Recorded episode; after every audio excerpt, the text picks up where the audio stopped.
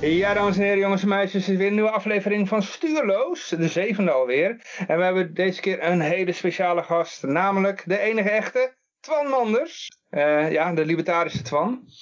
en uh, je hebt ook een naamgenoot, Die, uh... Ja, die zit inmiddels bij het CDA, hè? Oh, het niet meer bij 50 plus, oké. Nee, nee, hij is naar het CDA gekomen, ja. Ah, oké, oké, die zit heel veel van partij. Maar uh, ja, dit is een libertarische Twan en we hebben uiteraard ook Jurjen en Rick en mijn naam is Johan. En uh, we gaan het in deze uitzending hebben over het MKB. Mhm. ja. Ja, waarom gaan we het hebben over het MKB? Nou, die, dat MKB dat wordt natuurlijk... Uh, aan alle kanten met, uh, met regels en wetgeving uh, wordt dat ingeperkt. Natuurlijk al oneindig veel belasting betalen ook. Uh, en zeker deze crisis hebben ze daar de nodige last van. Dus de horeca is natuurlijk gewoon gesloten de hele tijd. en net vandaag zat ik nog weer een uitzending te kijken van Debat Gemist. Weet je, ik, er zijn weinig mensen die kijken naar die debat in de Tweede Kamer, maar ik ben er één van. Ik wil toch weten hoe, hoe ik dan bestuurd word. en dan hadden ze het weer over de, over de franchisewet. Dus binnenkort wordt het waarschijnlijk zo dat uh, franchisegevers uh, minder te zeggen hebben over hoe de franchise in elkaar zit. En dan krijgen franchise-nemers meer rechten, zoals ze dat noemen. Oftewel, de overheid legt weer meer vast in uh, wetgeving. dus het leek me een mooi moment om het eens over het MKB te hebben. en ook om eens te kijken naar de geschiedenis van hoe dat eigenlijk in Nederland allemaal is, is ontstaan, die wet en regelgeving. Of er misschien alternatieven zijn voor een Kamer van Koophandel en hoe dat in andere landen geregeld is. En ik dacht, wie kunnen wij daar nu beter voor vragen dan, uh, dan Twan Manders, die uh, volgens mij van binnen en van buiten op de hoogte is van alle wet en regelgeving rondom het MKB. Um, dus ik dacht, laten wij eens beginnen met hoe is nu eigenlijk al die wet en regelgeving in Nederland uh, zo gekomen? En waarom, waarom is die zoals die nu is? Um, ja, eigenlijk vroeger hadden we natuurlijk in Nederland een gildensysteem hè, in de middeleeuwen. En daar hebben we het voor de uitzending ook al even over gehad. Van hey, ja, was dat nu eigenlijk wel het meest ideale systeem? Want toen gingen beroepsgroepen onderling allemaal regels afspreken. Maar ja, daarmee was de consument misschien ook weer niet altijd gediend. Dan gingen ze onderling prijsafspraken maken. Adam Smith was er in ieder geval niet zo fan van. Die vond dat, uh, ik weet niet meer precies hoe die het zei, maar dat het een soort van. Uh, Conspiracy against the public. Conspiracy against the public, ja. Ja. ja. Ja, en op een gegeven moment uh, rond eind uh, 18e eeuw, begin 19e eeuw is in Nederland de Eerste Kamer van Koophandel gekomen. Toen zaten we onder Frans regime. Uh, en sinds die tijd is het in mijn beleving alleen maar bergafwaarts gegaan. Maar met die regelgeving steeds meer gecentraliseerd. En zitten we nu uiteindelijk met een, een SBO, of een, een ZBO, een zelfstandig bestuursorgaan. Nou, daar heeft Jurien straks nog wat nodig over te zeggen, geloof ik. Althans voor de uitzending nog wel. Uh, dus eigenlijk gewoon mijn eerste vraag van uh, wat vinden we van de situatie nu? En, uh, en wat zijn jullie ideeën over hoe dat eigenlijk zo ontstaan is? Twan, mag ik jou vragen om te beginnen? wat ik vind van de situatie nu? Ja. Ja, kijk, in absolute zin is het natuurlijk uh, verschrikkelijk. In mhm. absolute zin is het zo dat we een systeem hebben waarbij we uh, uh, eigenlijk een klassenmaatschappij hebben twee klassen mensen. We hebben mensen die, die, die maken de regels. Mhm. Die zijn de baas, die bepalen wat er, mag, wat er wel mag, wat er niet mag. Uh, en de rest, hè, dat is de overheid. En de rest, dat zijn de onderdanen. Dat zijn, uh, dat zijn de meeste mensen. De onderdanen, die hebben de plicht te gehoorzamen. Hè. Dus de, de heersers hebben de, het recht om regels te maken. Tenminste, dat vinden ze zelf. Maar heel veel mensen vinden dat ook, helaas. Die zijn daar uh, van overtuigd geraakt. Mm. Waarschijnlijk als ideeën die met de paplepel zijn ingegoten door, door staatsscholen. Die met belastinggeld worden gesubsidieerd. En uh, ja, de onderdanen die, uh, die hebben de plicht te gehoorzamen. Als ze niet gehoorzamen, dan worden ze opgesloten in een hok. Mm -hmm. Op die manier wordt gehoorzaamheid afgedwongen. En, uh, en dat is een systeem waarbij er dus steeds meer regels komen. Iedere burger wordt geacht de wet te kennen, maar dat is absurd. Want als mensen die het telefoonboek uit hun hoofd kunnen leren, die kunnen mm -hmm. alle wetten en regels kennen, want er zijn er veel te veel. Het zijn er, uh, er zijn hele bibliotheken volgeschreven met wet en regelgeving en memories van toelichting en jurisprudentie. Dat zou je dan allemaal moeten weten als burger, want je moet mm. kennis. Dat, uh, dat, uh, dat kan niet. Dus in de praktijk is het zo dat uh, met name ondernemers uh, ermee geconfronteerd worden. Uh, de, de meeste regels zijn geschreven op zo'n manier dat met name ondernemers zijn die, die, die worden gereguleerd, gecontroleerd en bestraft. Mm De meeste mensen die geen ondernemer zijn of nooit ondernemer zijn geweest, hebben een flauw idee van hoe hoog de regeldruk is. en die ondernemers die kunnen natuurlijk die wet niet kennen. Dus die worden dan gedwongen om dure adviseurs in te huren. Mm Advocaten en accountants en andere adviseurs om dan een klein beetje wegwijs te worden in dat oerwoud van regelgeving. Um, en worden daarmee op kosten gejaagd. En hoe groter een bedrijf is, hoe beter ze in staat zijn om die hele hoge compliance costs, om die uh, af te uh, wentelen, dat is misschien het verkeerde woord, maar om die te spreiden over hun hoge omzetten dus de, de kosten die zij per, per verkocht product of per geleverde dienst uh, per euro omzet moeten maken, is voor hele grote bedrijven relatief klein. Maar hoe kleiner een bedrijf is, hoe harder die compliance kosten inhakken. Mm Een groot bedrijf kan, uh, kan het zich veroorloven om een paar uh, juristen fulltime in dienst te nemen die niets anders doen dan zich bezighouden met compliance. Mm -hmm.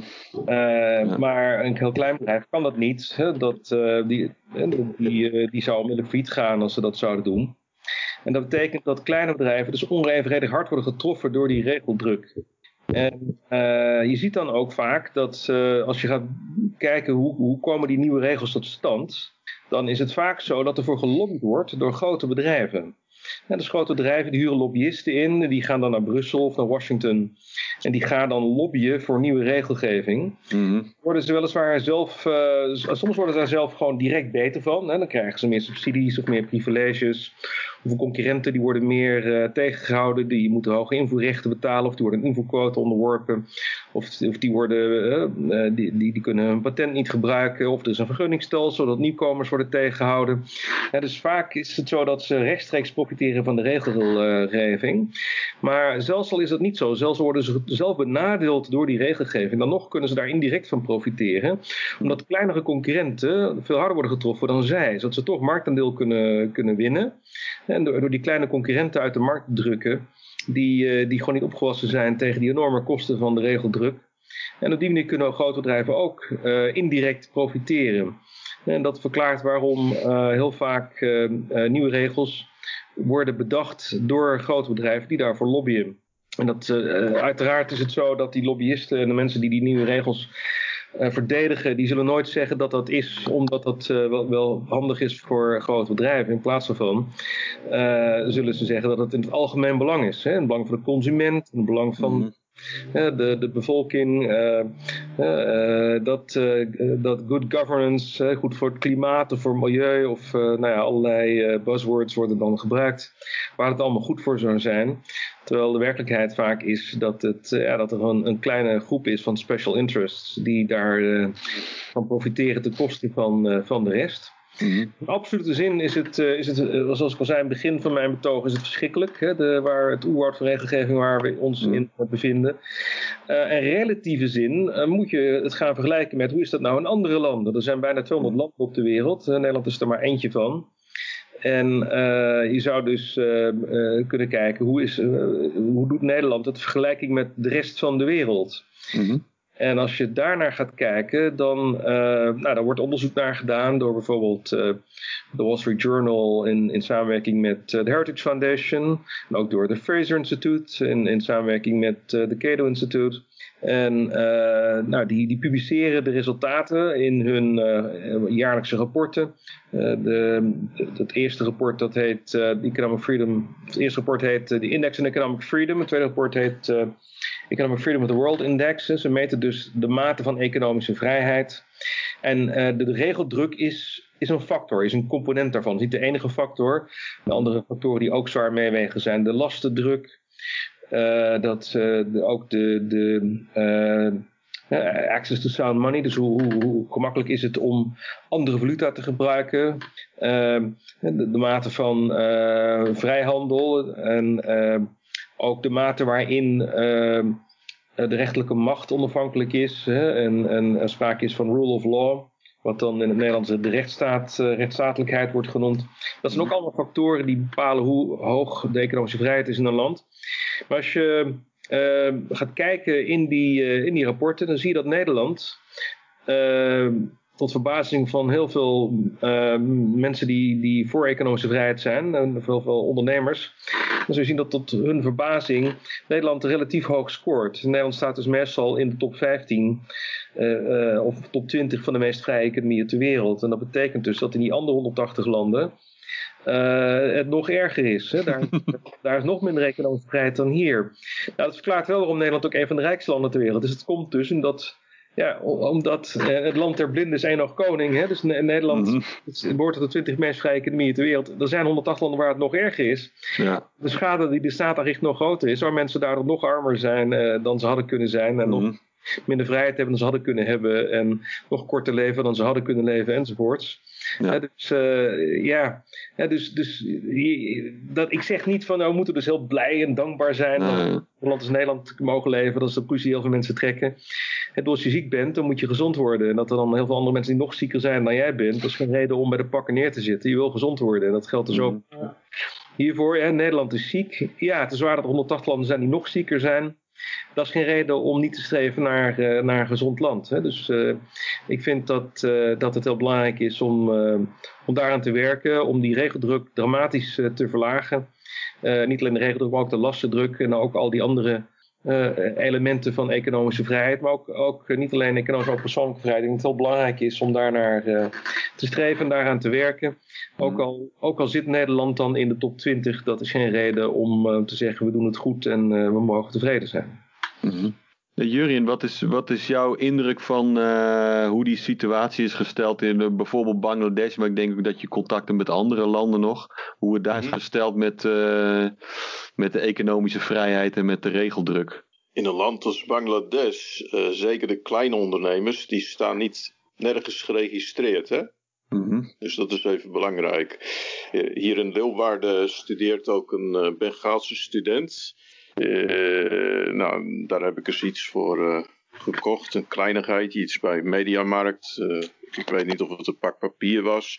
Toen heb ik hem een bonnetje meegegeven.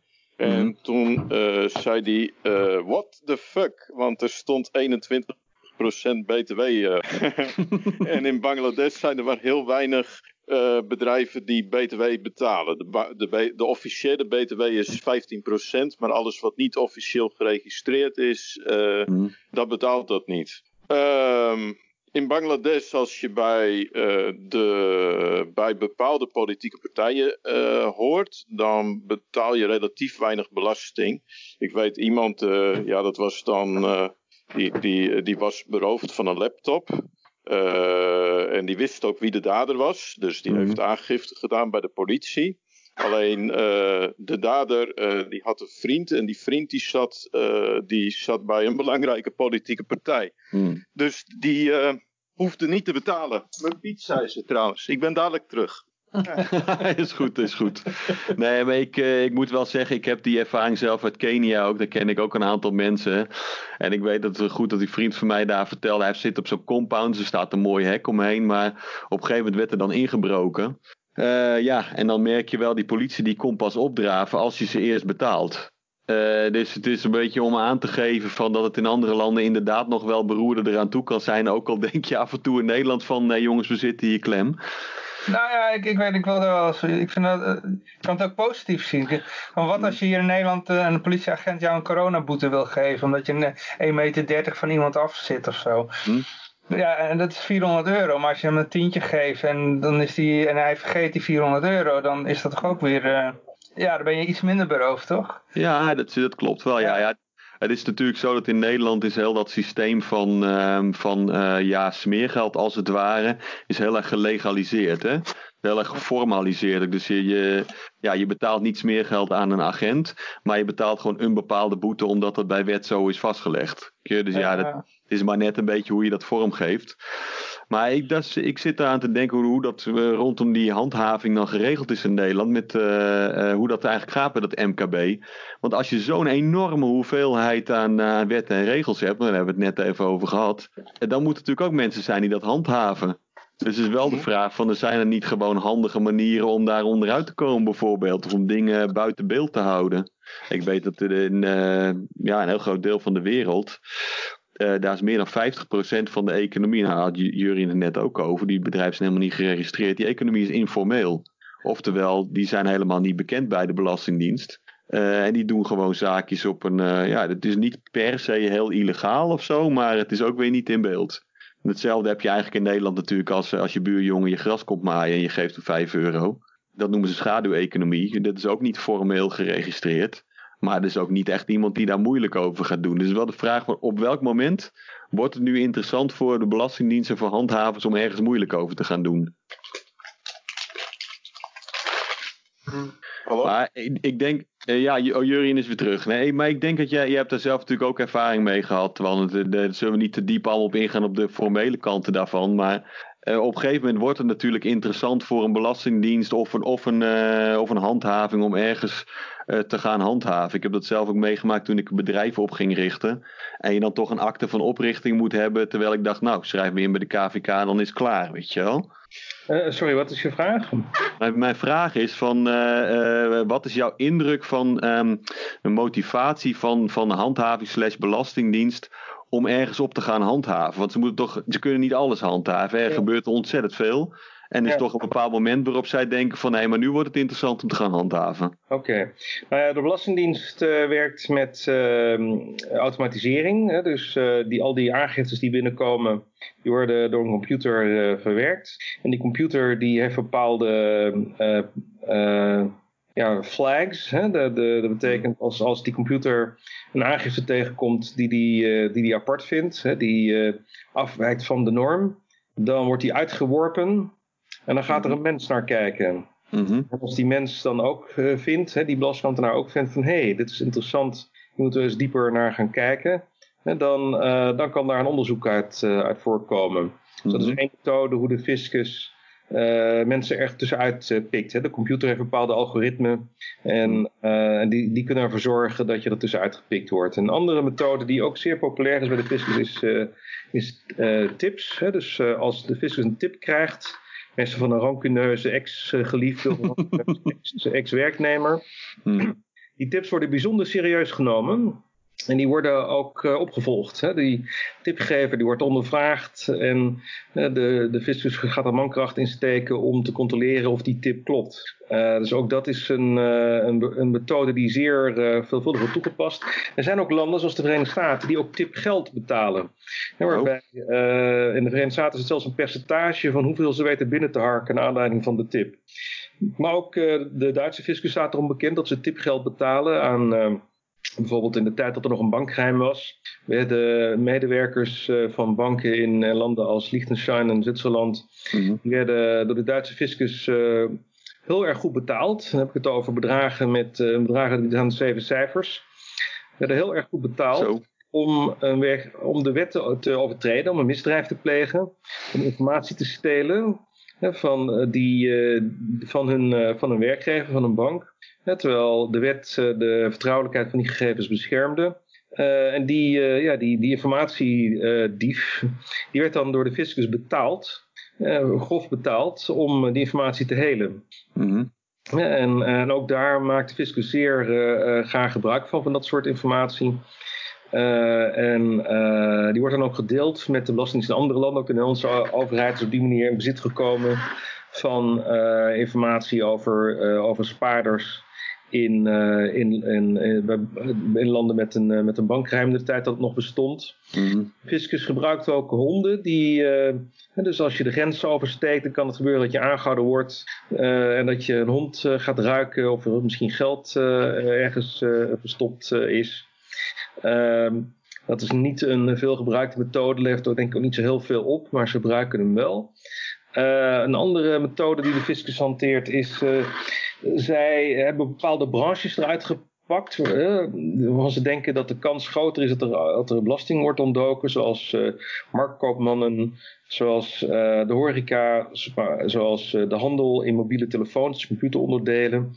Mm. er zijn bepaalde branches die, die worden vaker gecontroleerd. En af en toe hebben ze ook een soort actie. Dan gaan ze een bepaald jaar een bepaalde branche extra streng controleren. Omdat ze denken dat daar wat te halen is. Uh, verder is het zo dat uh, de fiscus ook heel erg actief is in uh, het ehm, ehm, ehm, ja, promoten dat er overeenkomsten worden gesloten, verdragen worden gesloten met andere landen voor de automatische uitwisseling van fiscale informatie. Inmiddels zijn er zo'n 130 landen, waaronder Nederland, die met elkaar een verdrag hebben getekend voor de automatische uitwisseling van fiscale informatie. Mhm. En eh, dat is dus een fundamenteel verschil met eh, informatieuitwisseling op verzoek. Hè. Vroeger was het zo dat er ook wel in, in de bijna alle belastingverdragen een clausule stond dat informatie worden uitgewisseld, maar dat was dan op verzoek. Dat betekende dat dan, de, als de Nederlandse fiscus informatie wilde uit het buitenland, dan moesten ze aannemelijk maken dat, eh, dat er ook een reële verdenking stond. Dat er een, een redelijk vermoeden van schuld was. Een redelijke verdenking van een, van een misdrijf of overtreding. En dan werd informatie uitgewisseld. Maar dat, dat, is de oude wereld, hè? de wereld van voor de crisis van 2008. In de moderne wereld, uh, het is begonnen in de Europese Unie al eerder uh, deze eeuw, maar dat is later uitgerold naar 130 landen. De moderne wereld is er een waarbij dus uh, alle banken en alle financiële instellingen op de wereld worden, uh, die, die zijn in deze 130 landen, die worden gedwongen om aan hun lokale fiscus door te geven uh, rente, dus informatie over spaarders, dus rente en, en saldo. De fiscus uh, die gaat dat dan automatisch doorspelen naar de fiscus van het land waar de rekeninghouder woont. En die kan het dan vergelijken middels computer met de aangifte die zijn gedaan. En als daar een discrepantie in zit, dan, dan word je gepakt. En uh, een phishing expedition zou je het kunnen noemen. Ja, dus het recht op privacy, dat, uh, dat is er niet meer. De overheid heeft het recht om alles uh, te weten. De, um, Edward Snowden is ooit wereldberoemd geworden omdat hij heeft ontdekt dat de Amerikaanse overheid zich niet hield aan de Amerikaanse grondwet. In de Amerikaanse grondwet staat dat de, dat de overheid uh, wel informatie mag, uh, mensen mag dwingen informatieprijs te geven, maar alleen op basis van een redelijk vermoeden van schuld, van een, van een misdrijf of overtreding. En dat ze dan een rechter moeten vragen om bevel op basis van die, die, die, die uh, bewijsmiddelen waarmee dat vermoedelijk worden gestaafd. Dat staat in de grondwet. Nou, de Amerikaanse overheid heeft dat met voeten getreden. Dat was wereldnieuws toen Edward Snowden dat naar buiten bracht. Maar maar dit is, dit is eigenlijk gewoon precies hetzelfde. Hè? Dit, dit is precies hetzelfde systeem. Namelijk automatische uitwisseling van fiscale informatie. Daar is geen redelijk vermoeden van schuld wat er aan de grondslag ligt. Dat wordt gewoon over iedereen uitgewisseld. Zelfs met China. Terwijl China, mm. afhankelijk welke bron je raadpleegt, uh, heeft China nog steeds de doodstraf voor belastingontduiking. Of ze hebben het recentelijk uh, afgeschaft. Dat betekent dat je een taakstraf voor krijgt. Hè? Dat ja, je kunt je voorstellen als een land net de doodstraf afgeschaft voor belastingontduiking, dat uh, de nieuwe maximumstraf ook uh, geen pretje zal zijn. Hmm. Als een Chinees in Nederland een bankrekening heeft, omdat hij bijvoorbeeld vreest dat, dat de Chinese overheid corrupt is, wat natuurlijk de Chinese overheid ook is, ja. en bang is het als Chinese belastingambtenaar erachter komen hoeveel vermogen die heeft, dat ze dan uh, die informatie doorspelen aan ontvoerders die hun kinderen gaan ontvoeren en oren gaan afsnijden, dat soort dingen. En er zijn mensen die wonen in dat soort landen en die, die, die kunnen ze heel terecht uh, een, hele, een hele goede reden hebben waarom zij uh, privacy willen.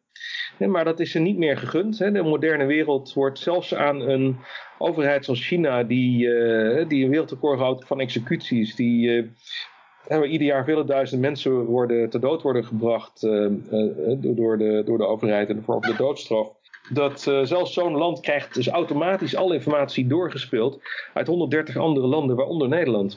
Mm. Dat is ook een methode hoe, zij, hoe de overheid ja, aan informatie komt en hoe ze op die manier uh, uh, ja, gehoorzaamheid kan, kan afdwingen. Mm. Nou ja, mijn expertise gaat vooral over, over belastingen, over hoe, de, hoe, de, hoe de belastingwetgeving werkt. Um, je hebt me aangekondigd als iemand die alles weet over MKB-recht. Dat moet ik dus een beetje tegenspreken. Hè? Mijn expertise ja, ja, ja, op het vlak van belastingontwijking, vermogensbescherming, estate planning, immigratie. Uh, nou ja, maar het ding, het, het, het ding is natuurlijk uh, dat allerlei wet en regelgeving, die zijn heel vaak ook gekoppeld aan een vorm van belasting. Weet je, dus uh, stel jij, uh, jij wilt buiten een reclamebord ophangen, dat valt onder precario recht, is een precario belasting voor. stel jij wilt, jij wilt je bedrijf uitbreiden en dat valt onder een bepaald bestemmingsplan, dan moet je daar weer een afdracht voor doen aan de gemeente.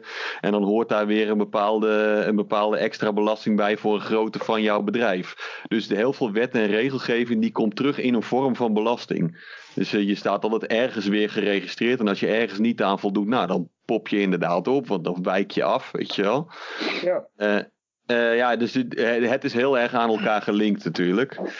Uh, maar wat betreft die wet en regelgeving voor MKB, ja, de, de, de kan daar zelf al wel het een en ander over zeggen. Weet je, wat je allemaal wel niet moet regelen als bedrijf voor je überhaupt begint. Hè. Ik ben, laat ik mezelf als voorbeeld nemen. Ik ben net een BV begonnen eind vorig jaar. Uh, je moet sowieso een akte van oprichting doen. Uh, maar dan moet je daarnaast, nou ik geloof wel een stuk of tien formulieren moet je soort van invullen. Allemaal rechten en plichten die, die jij hebt en die je klanten hebben. Dan moet je op je website publiceren. Of je moet het ergens bij, bij een notaris laten registreren. En dan gaat het over zaken als cookiebeleid, privacybeleid en al die dingen die je natuurlijk best wel aan een klant wil meedelen. Maar dat moet heel geformaliseerd ergens in staan. Daar moet je ook iemand voor betalen om dat, uh, om dat voor jou te doen. Want dan moet, moet inderdaad op een bepaalde manier geformuleerd zijn. Anders is het niet rechtsgeldig. Of er staat iets heel anders in dan je zelf in gedachten had. Je kunt niet maar zo opschrijven van uh, wij nemen de privacy van klanten serieus. Dat, dat wordt door een wetgever niet serieus genomen.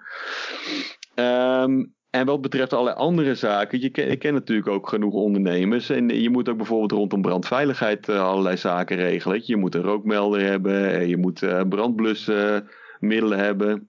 Je moet zelfs ervoor zorgen dat als jij een bedrijf hebt, dat de brandweer bij, jou, uh, bij jouw bedrijf terecht kan komen. Dus er moet een soort verbindingsweg zijn, waardoor zij bij jouw pand kunnen komen. Uh, en je moet binnen het bestemmingsplan vallen. En op het moment dat, uh, dat de gemeente een bestemmingsplan verandert, dan, dan kan het zomaar zijn dat zij jou vragen om jouw bedrijf ergens anders te vestigen, terwijl je misschien daar al jaren zit. En als je niet weg wil, dan gaan ze, gaan ze je mogelijk onteigenen. Dus dat een beetje over wet en regelgeving die misschien niet gelijk met belasting te maken heeft, maar uh, toch echt wel speelt voor het MKB. En ja. ik denk dat, uh, dat uh, Jurien daar ook het nodige over te zeggen heeft. Toch? Als je, als je handel drijft met, met bijvoorbeeld Bangladesh, maar ik denk ook wel op allerlei andere vlakken, dan loop je daar zelf toch ook tegenaan. Ja, dus Bangladesh is geen core business van mij. Mm -hmm. mm, maar ik heb daar wel een behoorlijk wat netwerken. En uh, ja, met betrekking tot import heb je natuurlijk inderdaad ook de nodige regels, wat allemaal compliant moet zijn. Mm -hmm. De meeste megalen die besteden dat ook uit. Hè? Dus je hebt de producenten en je hebt de zogenaamde buying houses. Mhm. Dus op het moment dat je met uh, het koninkrijk der regels, dat is toch uh, Europa wel een beetje, Mhm. te maken krijgt, dan dan besteedt men dat in Bangladesh uit aan mensen die daar op dat vlak uh, deskundig uh, zijn. Mhm. He, dus je, als je importeert en het moet langs de douane, dan is er in principe ook een organisatie bij betrokken die, uh, ja, die de papieren in orde maakt en dat het, dat het door de grensbewaking heen komt. Mhm. Maar heb je daarin, ben je ook actief in Nederland als ondernemer of niet? ik ben in Nederland niet zo actief. We hebben eerst geprobeerd hier in Nederland iets te registreren. Mm -hmm. Voor uh, recording studio meubels. Alleen dat, uh, dat gaf zo'n uh, bureaucratie. Ik had Mhm. bijvoorbeeld vennoten die komen uit een, uit een ander EU-land. Mm -hmm.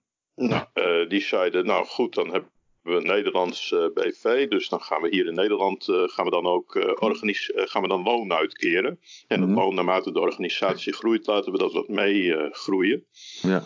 Maar op een moment, hè, daar waren we dan aan begonnen, zei de accountant van ja, er is een nieuwe regel bedacht.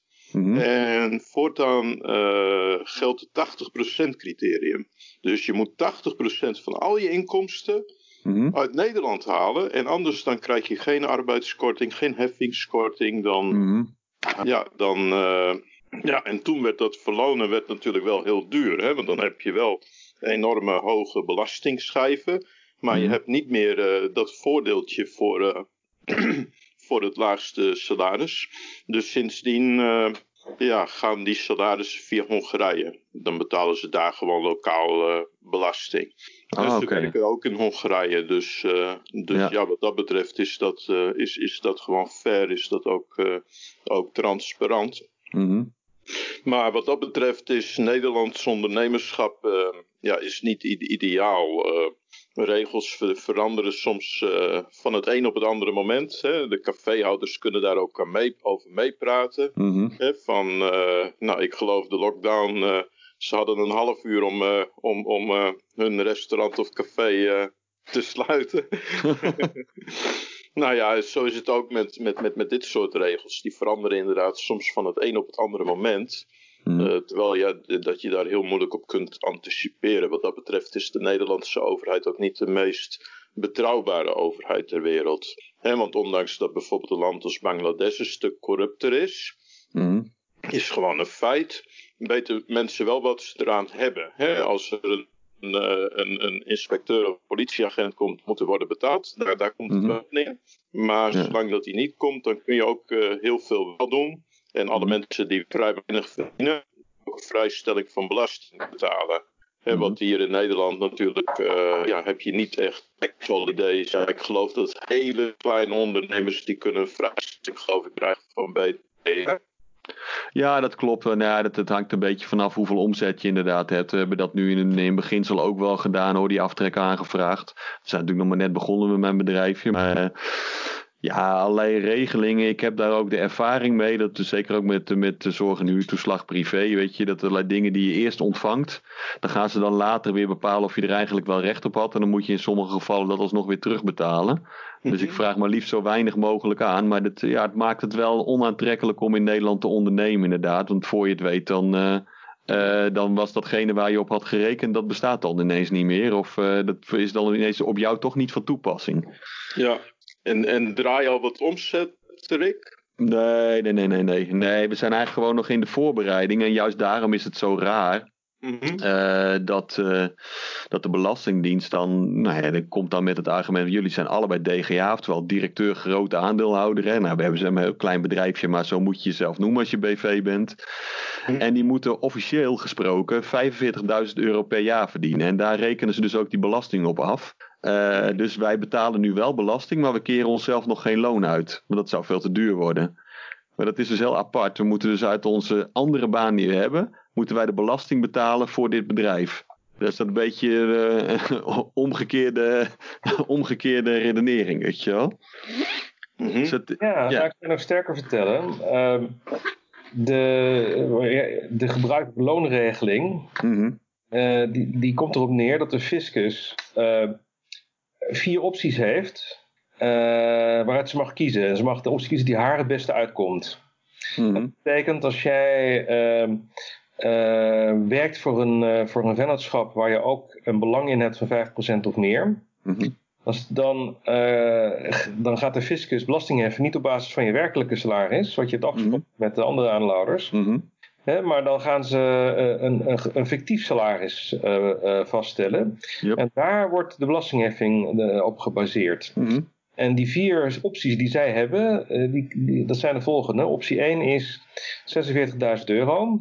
mhm, Optie, optie 2 is als, je, eh, als je personeel hebt, dan kunnen ze uitgaan van het salaris van de best verdienende werknemer. Dan moet je minimaal dat salaris ook eh, in, in, in aanmerking nemen. Optie 3 is, ze kunnen gaan kijken naar, naar de meest vergelijkbare dienstvertrekking. Dus wat zou, als je een manager zou moeten inhuren voor jouw bedrijf, met dezelfde capaciteiten die je zelf ook hebt, mhm, wat zou je die dan als aan loon moeten betalen? En, dat, en, en daar gaan ze dan vanuit. Hè? Daar, waar gaan ze dan eh, de, de belastingheffing op baseren? En optie 4, als je geen personeel hebt, dan kunnen ze ook twee derde van de winst nemen. mhm, Waar is. Dus stel dat je, stel dat je een, een eh, winst maakt. Eh, Ik ga, ik ga even een, een heel gemakkelijk getal nemen. Dus stel dat is 3 ton winst. Dan kunnen ze dus zeggen, nou je salaris is dan 2 ton. mhm, En dan gaan we 49,5% belasting overheffen over nou, bijna het hele salaris dan. mhm. Eh, eh, en eh, ja, er is wel een oplossing voor, maar dat is een oplossing die bijna niemand kent. En, en die ook weer kosten met zich meebrengt. Mhm. Eh, Maar ja, dat, dat is vaak zo met Maas in de wet. De meeste mensen die hebben daar nooit van gehoord, die, die, die, eh, die hebben daar dus ook geen, eh, geen profijt eh, van. En lopen keihard tegen deze, tegen deze regel aan. En dat is heel vaak een probleem hè, voor bedrijven. Dat, uh, dat, zij, uh, ja, dat, dat, dat er gewoon geen geld is om zo'n hoog salaris te betalen. Ja. Um, en de fiscus uh, zet dan de mes op de keel. Mm -hmm. een ander voorbeeld van regeldruk waar, waar met name kleine en middelgrote ondernemers zelf last van hebben, dat zijn alle regels die zijn bedoeld om de werknemer te beschermen, zoals dat heet.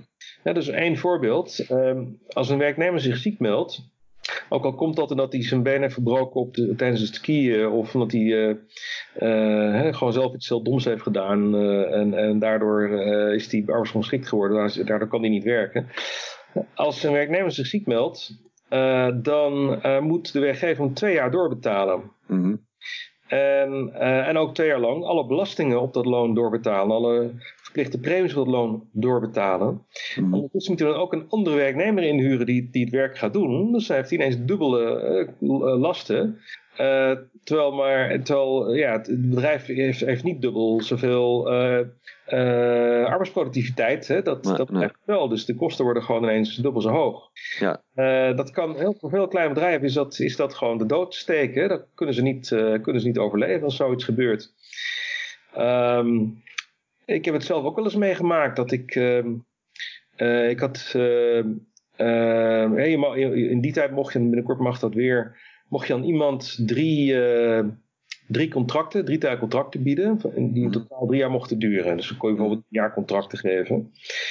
Uh, nou, ik had het anders gedaan, dus ik had uh, gezegd, nou, we beginnen eerst met een half jaar, half, een contract van een half jaar. Als dat bevalt, dan een contract van een jaar. Als dat bevalt, dan anderhalf jaar. En als dat bevalt, dan een vast contract. Want dan kan het uh, niet anders meer. Een vast contract, nou, een heel mooi woord, hè, maar wat betekent dat? Dat is in feite gewoon een soort ontslagverbod. Hè. Dat is ooit ingevoerd door de Duitse bezetter.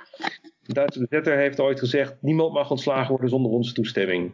Ja, ja. de bezetter is, is vertrokken heeft de Nederlandse regering die regel gewoon in stand gehouden. En dat is trouwens niet uniek. Er zijn heel veel regels die door Duitse bezetters zijn ingevoerd en daarna nooit meer uh, zijn afgeschaft.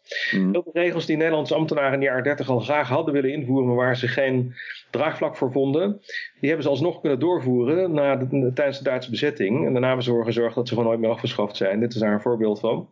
Mm. Een soort ontslagverbod. Hè? Dus uh, uh, je moet een hele hoge boete betalen als iemand ontslaat. En ja, dat, ook dat is heel erg vervelend voor, voor kleine ondernemers. Hè? Dus als iemand niet goed functioneert en je wil de samenwerking opzeggen, dan, dan moet je toestemming krijgen van de overheid. Die krijg, en als je het niet krijgt, uh, ja, dan kun je alleen maar van iemand afkomen door een hele hoge boete te betalen. Uh, zo hoog dat het vaak uh, niet op te brengen is. Dus dan moet iemand min of meer met heel veel tegenzin blijven samenwerken. Want iemand waarmee hij helemaal niet wil mm. werken. En dat zorgt er ook voor dat het heel on onaantrekkelijk wordt gemaakt door mensen een loondienst te nemen. Dus het lijkt er bijna op alsof de Nederlandse overheid er alles aan doet om, om ondernemers zoveel mogelijk te ontmoedigen om personeel uh, aan te nemen. Ja, ja, dat klinkt het een beetje naar. Hè? Ja. Dus stel je voor dat je met iemand uh, uh, een, een, een blind date hebt. Mm -hmm.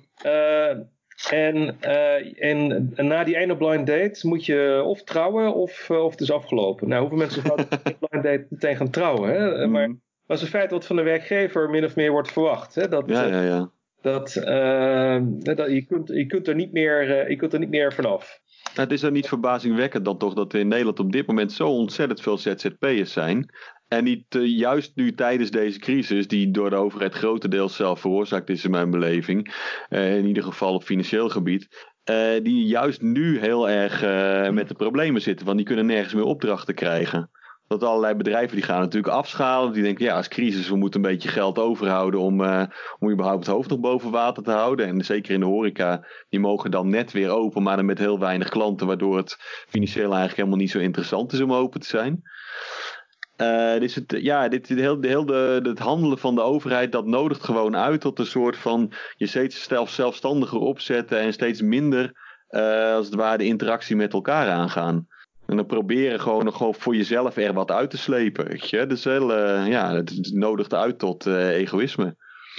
Ja, het punt is dus ook dat als je als ondernemer uh, geconfronteerd wordt met zo'n crisis die, die niet door het virus, door de overheid is veroorzaakt, Mhm. dan, voor het grootste deel, dan, en je hebt zowel personeel als ZZP'ers die voor je werken, En je moet, af, je moet inkrimpen. Je, moet, je, moet, uh, je hebt minder werk voor, voor je mensen. Je moet inkrimpen. Ja, het is logisch dat je dan, uh, dat je dan eerst die ZZP'ers opzegt. Mm want, want dat mag. Ja. Terwijl werknemers, je mag de samenwerking niet opzeggen zonder een enorm boete te betalen. Mhm. Uh, dus ja, dan, dan zit er weinig anders op. maar dat is natuurlijk heel erg treurig voor die ZZP'er. Want ook al functioneert die veel beter, ook al voegt hij veel meer waarde toe. de, Mhm. de perverse prikkel van het systeem zorgt ervoor dat dat niet de primaire ja, beweegreden is hè, waar de, van de Mm. ondernemer. Die moet uh, rekening houden met die, met die perverse prikkels die de overheid heeft, uh, heeft, uh, geïn, heeft geïntroduceerd. Dan moet daar zijn beslissing van af laten hangen, helaas. Nou ja, we, we hebben hier een, een uitzendkracht in de uitzendingen, Johan Jongepier. Die heeft, je hebt er ook mee te maken gehad, toch, Johan? Dat je op een gegeven moment, ja, van jou konden ze makkelijk af. En die mensen die ze in loondienst hadden, ja, die moesten ze dan toch blijven doorbetalen. Dus die bleven dan wel. Maar heb je, is het inmiddels dan weer zo dat je, dat je alweer ergens aan de slag kunt? Oh, uh, ja, de, nu, ja, ik val onder de, de, de nood, uh, hoe heet het, die noodwet. Ja, de NOW. NOW, ja, ja, dat is ook een heel gedoe hoor, maar uh, goed. Mm -hmm. um, ja, ik, ik, weet niet, het wordt gewoon doorbetaald. dus de overheid die geeft dan een bak geld aan, aan, aan, mijn, aan mijn werkgever en die geeft het weer door naar mij. Ik geloof Mhm. dat hij ook, of de werkgever ook iets moet bijdragen. Maar uh, ja, het is, uh, normaal gesproken zou ik zo weer ergens anders aan de bak zijn gegaan. Maar het punt is, Mhm. we hebben nu dat het werk wat ik doe, waar ik in gespecialiseerd Ja, ben, dat, is, dat ligt gewoon helemaal stil, hè, horeca en catering. ja. ja. Dus alle restaurants, ja, die gaan nu wel weer open. Mhm. Maar de catering, waar heel, ja, toch honderdduizend mensen werken, die, die is gewoon dicht. Dus ja. Die, de, de, hele catering is dicht, dus dat is nog helemaal niks daar weer aan opgestart. Dat is zover ik weet niet, nee. En dat is dan, eh, de, eh, je hebt je een beetje bijgehouden wanneer dat dan weer gaat gebeuren? Dat is per september dan of zoiets? Geen idee.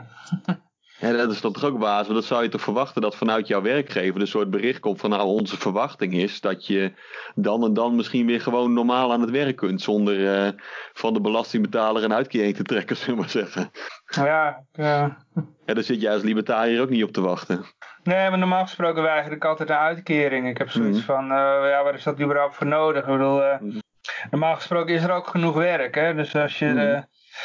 Als, als het ophoudt ergens, dan, uh, ja, dan ga ik gewoon uh, ergens anders naartoe. En dan uh, heb ik de volgende dag gewoon werk. Maar nu is er dus, ja, zitten er heel veel mensen thuis, omdat er heel veel bedrijfstakken gewoon gesloten zijn. Mhm. Ja, dus... Ja. Ja. dus het zal nog wel eventjes duren voordat jij weer kunt beginnen. Ja, ik, ja, ik, ik, ik, ja, ik, ik, zou het niet weten. Nee, en ook als ZZP'er kun je dan natuurlijk niet aan de slag, want die hele, hele branche is gesloten. Ja, Dus je hebt nu gewoon even pech. ja. ja.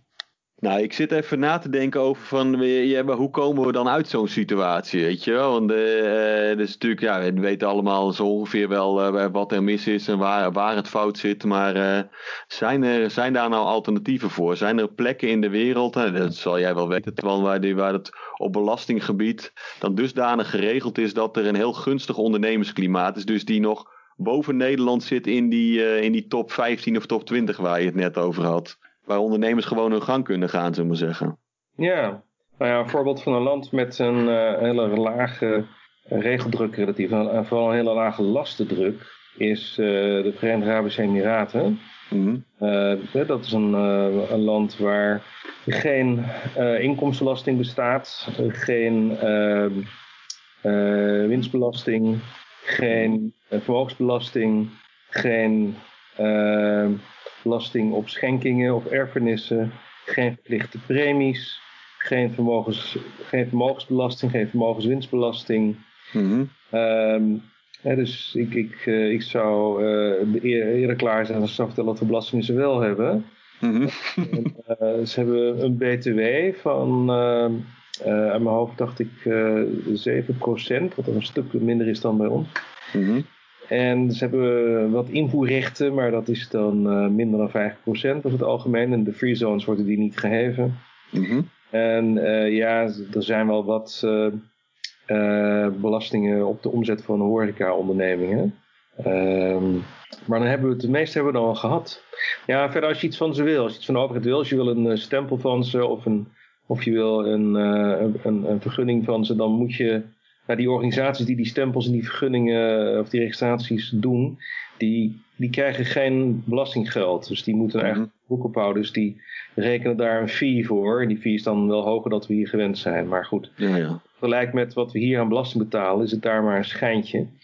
Ehm, en er is dus ook geen, geen loonwig. Hè? Er is geen verschil tussen netto loon en loonkosten. Dat is hetzelfde.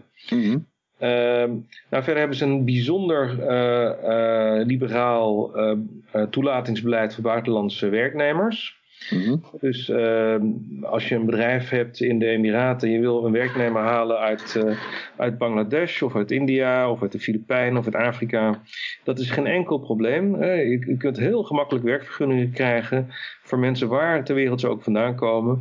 Het is dan ook zo dat eh, zo'n eh, zo'n schatting 85% eh, van de bevolking in, in, een- in een eh, emiraat als Dubai is buitenlander. Eh, Mhm. Dus de overgrote meerderheid van de bevolking komt uit het buitenland. En dat heeft ook een heel belangrijke bijdrage geleverd aan de enorme economische groei van Dubai en de andere Emiraten. Mhm. De onafhankelijkheid van de Emiraten, begin jaren 70, is een economie met een factor 231 gegroeid. En dat is nu alweer een aantal jaar geleden dat die statistiek werd, eh, werd eh, eh, vastgesteld. Ja, dus eh, eh, ook andere landen met een hele hoge economische groei, zoals Hongkong en Singapore. En ook eh, en na het communisme gingen ook eh, landen als, eh, als eh, Estland heel erg hard groeien. Maar niet zwart als Dubai. Hè? Dubai is wereldrecordhouder economische groei, meestal in de double digits. Ehm, dat is een voorbeeld van een, een land met een heel gunstig ondernemingsklimaat, een gunstig investeringsklimaat, een gunstig fiscaal klimaat, Mhm. hogere mate van economische vrijheid. Ehm, eh, wat ook een heel interessant land is in het verband is China. Want China is enerzijds een land wat, eh, wat communistisch is geweest al lang, waar de communistische partij nog steeds aan de macht is, waar een politiestaat is, waar eh, heel weinig persoonlijke vrijheid is. waar heel veel, waar mensen heel erg in de gaten worden gehouden. Heel veel mensen ook te, te dood worden veroordeeld en gebracht. Dus het is bepaald geen, geen voorbeeld van een heel vrij land. Mhm. Maar tegelijkertijd is het zo dat er in China eh, wel de laatste 30 jaar heel veel eh, hervormingen zijn geweest die tot een hogere mate van economische vrijheid hebben geleid dan ze vroeger hadden. Nog steeds staan ze niet eens in de top 100 van de meest vrije economieën, dus eh, we zijn nog heel ver te gaan. Maar die, ja, ze zijn een stuk minder onvrij dan ze vroeger waren en dat heeft ervoor gezorgd dat die economie zo hard is gegroeid. Maar een andere factor in die hoge economische groeicijfers, dat is dat er in China een, een, een redelijk aantal free zones zijn. Zoals Shenzhen. Shenzhen is een zone die grenst aan Hongkong. En eh, de Chinese communisten die kwamen in de jaren tachtig tot het inzicht dat, eh, dat, het, dat de Chinezen in Hongkong het heel erg veel beter hadden dan de Chinezen in China. Terwijl, ja, ooit was het gewoon hetzelfde land. Hè? Dus eh, hoe komt dat dan dat de Chinezen daar het zo ontzettend veel beter doen? En de verklaring is natuurlijk dat Hongkong de meest vrije economie ter wereld is. Een hele lage regeldruk en lastendruk heeft. En daarom eh, is de economie daar zo ontzettend hard gegroeid. Eh, Hongkong was in 1960 een straat- en straatarm land. Maar inmiddels eh, is het zo dat Hongkong eh welvaarder is dan bijna alle landen in Europa, inclusief Nederland. Ze hebben niet alleen, ons, ons, ze hebben niet alleen de achterstand ingehaald. Nee, ze zijn ons voorbij gestreefd. Ze zijn nu welvarender dan wij. Mhm. De vraag is, hoe kan dat? Dat komt door die economische vrijheid. Nou, die Chinese communisten die zagen dat en die dachten, ja, misschien kunnen we daar toch iets van leren. Dus laten we experimenteren met een aantal free zones. Eh, en die free zones gaan we dat model van Hongkong kopiëren en er nog een schepje bovenop doen. Dus in die free zones zijn de, is de lastendruk nog lager dan in Hongkong zelf. En is de regeldruk nog lager dan in Hongkong zelf. Mhm. Het resultaat is geweest dat de economische groeicijfers in die free zones vaak meer dan 30% per jaar is geweest. Waar Shenzhen, eh, toen het nog geen free zone was, een heel klein vissersdorpje was, is er nu een metropool waar er meer dan 10 miljoen mensen eh, wonen. En ehm, eh, dus die groeicijfers zijn, eh, zijn onbeschrijfelijk. En dat, eh, dat heeft te maken met, met dat experiment. Hè, dat ze besloten hebben om binnen eigen grenzen te kijken wat er gebeurt Mhm. als je meer economische vrijheid toelaat. Nou, dat bleek een heel groot succes te zijn. Dat hebben ze ook een, tot op een zekere hoogte wel overgenomen in de rest van China. Maar eh, dat is lang, daar zijn ze lang niet zo ver gegaan als in deze free zones. En die hoge groeicijfers in China, dat is natuurlijk een gemiddelde. En die free zones die trekken dat gemiddelde heel fors omhoog. En de rest van China trekt het gemiddelde omlaag. Ja, dus China is niet een, eh, een land met een homogeen economisch stelsel. Er zijn enorme verschillen binnen de grenzen van China in de mate van economische vrijheid. En die free zones, ja, eh, nogmaals, politieke vrijheid, persoonlijke vrijheid, die hebben ze daar niet. Maar economische vrijheid hebben ze wel. En eh, ja, persoonlijke vrijheid is extreem belangrijk, maar voor economische groei is met name economische vrijheid heel belangrijk. En, en dat hebben ze daar wel. En je ziet daar ook de, de enorme eh, positieve gevolgen van. En er zit nu na te denken, hè, want wij eh, proberen altijd een beetje soort van dicht bij huis te brengen en te kijken, is zo'n plan nou realistisch voor, voor bijvoorbeeld voor Nederland? Zou je in Nederland ook ergens een free zone kunnen hebben? En dan bedoel ik wat anders dan de tax-free zone op Schiphol. Ik, ik bedoel echt gewoon een, een Ja. stuk van Nederland waar je dan vrij handel kunt drijven en waar dat soort beperkingen veel minder gelden. Ja, daar ben ik uiteraard een zeer warm voorstander van. En ik ben ook overtuigd dat dat eh, heel erg goed zou, eh, zou werken. Mhm. Uh, het, alleen het politieke draagvlak is er nu nog niet. Dat is eigenlijk het enige probleem. Er is geen enkele andere reden waarom het niet zou kunnen. Mhm. Alle landen ter wereld waar ze een free zone hebben ingevoerd, of meerdere free zones hebben ingevoerd, is het eigenlijk altijd een heel groot succes. Ja, dus al- altijd is het zo dat als er een zone is waar de, de regeldruk laag is, of de belastingdruk laag is, of allebei, dan zie je dat, eh, dat die free zone opbloeit en veel sneller groeit dan de rest van het land. Mhm. Ja, dus het is een, eh, ja, een, een, een, zonder uitzondering is dat, eh, is dat iedere keer een enorm succesverhaal. Maar ja, er is natuurlijk een reden waarom dat niet, waarom dat niet wereldwijd wordt overgenomen. En dat is dat mensen die macht willen, die, die een hoge regeldruk willen, een hoge lastendruk willen, die heel, heel veel belasting willen heffen en heel veel geld willen kunnen uitgeven. Als die, dat soort mensen, die willen helemaal geen concurrentie. Die willen helemaal niet dat, dat belastingbetalers en ondernemers, dat die een soort... eh, Hè, dat die kunnen stemmen met de voeten, dat die kunnen ontsnappen naar een zone eh, waar het veel, veel beter is, hè, waar het veel prettiger is om te ondernemen en te wonen en te werken. Die willen juist eh, dat, wat zij het liefste willen, is in eerste instantie dat de hele Europese Unie de regeldruk even hoog is en de lastendruk even hoog is overal. En, en nog liever wereldwijd. Die willen een wereldwijd kartel het liefst. Mhm. Overal te harmoniseren. Met de BTW is dat al gelukt in de Europese Unie. Er is al een minimum BTW-tarief in de hele Europese Unie. En eh, dat willen ze ook heel graag voor de eh, vennootschapsbelasting en de inkomstenbelasting. En nog liever zouden ze eigenlijk een federale inkomstenbelasting willen, zoals die in de Verenigde Staten er is eh, Mhm. gekomen. Ehm, je ziet ook dat bijvoorbeeld toen, toen ehm, ehm, eh, de Europese, de Europese Unie werd uitgebreid, dat de nieuwe lidstaten werden gedwongen om eh, speciale regimes eh, af te schaffen. Bijvoorbeeld eh, in, in Cyprus had je vroeger twee tarieven. Had een tarief, een, tarief voor de winstbelasting voor Cyprioten, dat was 25%, en voor buitenlanders was het 4,25%. En toen Cyprus lid werd van de Europese Unie, toen moesten ze verplicht naar één tarief toe dat iedereen hetzelfde was. En dat werd 10%. Eh, en vervolgens had Cyprus een bail-out nodig. En toen hebben, de Eurocraten gezegd, krijgt die bail-out wel, maar dan moet het tarief omhoog van 10 naar 12,5%. En daar Mhm. hebben de er toen mee ingestemd. Dus dat is een voorbeeld van hoe zij proberen maar een kartel te vestigen, proberen concurrentie uit te schakelen. Ehm, En dat is er wel een. eh, als we nu kijken naar Nederland, hè, dat is vaak de kritiek die, eh, eh, die Nederland dan krijgt, althans de Nederlandse overheid. Van ja, maar jullie zorgen ervoor dat Nederland een belastingparadijs is voor allerlei grote multinationals. Weet je, waaronder Apple, IBM, et cetera. Die zitten natuurlijk ook, ook in Ierland, is ook zo'n belastingparadijs tussen aanhalingstekens. Maar dat is dan kennelijk dus niet geharmoniseerd. Nou, het is nog steeds zo op dit moment dat iedere lidstaat in principe zijn eigen tarief mag vaststellen voor de inkomstenbelasting en de vennootschapsbelasting. Ze proberen dat dus wel, ze willen dat heel graag harmoniseren, maar dat is nog niet gelukt. De, de, en het komt omdat eh, er nog, nog steeds een aantal lidstaten zijn die dat niet willen, die dat willen tegenhouden. Eh, waaronder inderdaad eh, Ierland en Cyprus, die willen niet harmoniseren. Die, die, die zijn heel erg hard gegroeid. De economie is heel erg hard gegroeid. Ierland was eh, in de jaren 80 was het op één na armste land van de hele, hele Europese Unie. En nu zijn ze op één na rijkste land van de Europese Unie naar Luxemburg. Mhm. Dus ze hebben dus een enorme economische groei doorgemaakt. Dankzij het feit dat ze erin zijn geslaagd om een aantrekkelijk fiscaal klimaat eh, te creëren. En daarmee veel ondernemers en, en, en talent en kapitaal aan te trekken. En, eh, en daar zijn heel veel Ieren zich van bewust. Die willen daar dus geen einde aan, eh, aan maken. Hmm. Ierland had ook een bail-out nodig in 2008. En toen hebben de Eurocraten ook geprobeerd om de Ierse regering onder druk te zetten. Zeggen, je krijgt de bail-out alleen maar als je het tarief omhoog, omhoog gooit. Hè, als die 12,5% ppb uh, vennootschapsbelasting wordt verhoogd. Dat heeft de Ierse regering gezegd. Nou, uh, no deal. Hè? Dus als, als we gaan dat tarief niet verhogen. En als we dan geen bail-out krijgen, dan maar geen bail-out. Mhm. En toen hebben de Eurocraten gezegd, nou oké, je krijgt toch een bail-out.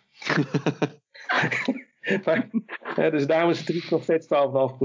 Ja, ja, ja. Uh, ja, maar ik geloof toch in Nederland dat, ik hoorde de VVD ook regelmatig over, dat ze eigenlijk niet zo fan van zijn om, om die belasting voor, voor buitenlandse bedrijven te verhogen, omdat je daarmee die ondernemers ook weg zou jagen. Tuurlijk. Ja. Ja, maar concurrentie is, ook, is natuurlijk voor de, belastingbetaler en eigenlijk voor ieder, ieder, uh, ieder mens dat niet uh, graag op plus van, van de overheid zit en uh, graag geld en macht via de overheid wil, wil bereiken. Voor ieder normaal mens is, en ieder eerlijk mens is, is, is concurrentie tussen landen en ook belastingconcurrentie is heel erg gunstig.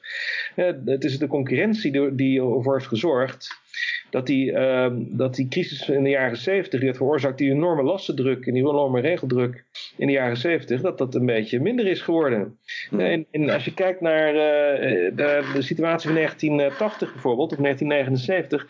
De, de, de, de meeste landen in het Westen was het uh, toptarief van inkomstenbelasting rond de 70%. In Nederland was het meer dan 70%, in de Verenigde Staten was het 70%, in Groot-Brittannië was het 83%, voor inkomstenvermogen was het zelfs 97%. Dat was toen normaal. Het gemiddelde toptarief in het gemiddelde OESO-land, het gemiddelde industrieland, was toen 68%. Mm. Uh, in 1979 is Thatcher gekozen en heeft het toptarief verlaagd van 97 naar 40 procent. In 1980 werd Reagan gekozen, heeft het toptarief verlaagd van 70 naar 28 procent. Mm. En uh, zij deden dat uh, met name omdat zij geloofden dat dat ook goed was voor het land, hè, dat, dat, nog, dat het gewoon goed gezond beleid was.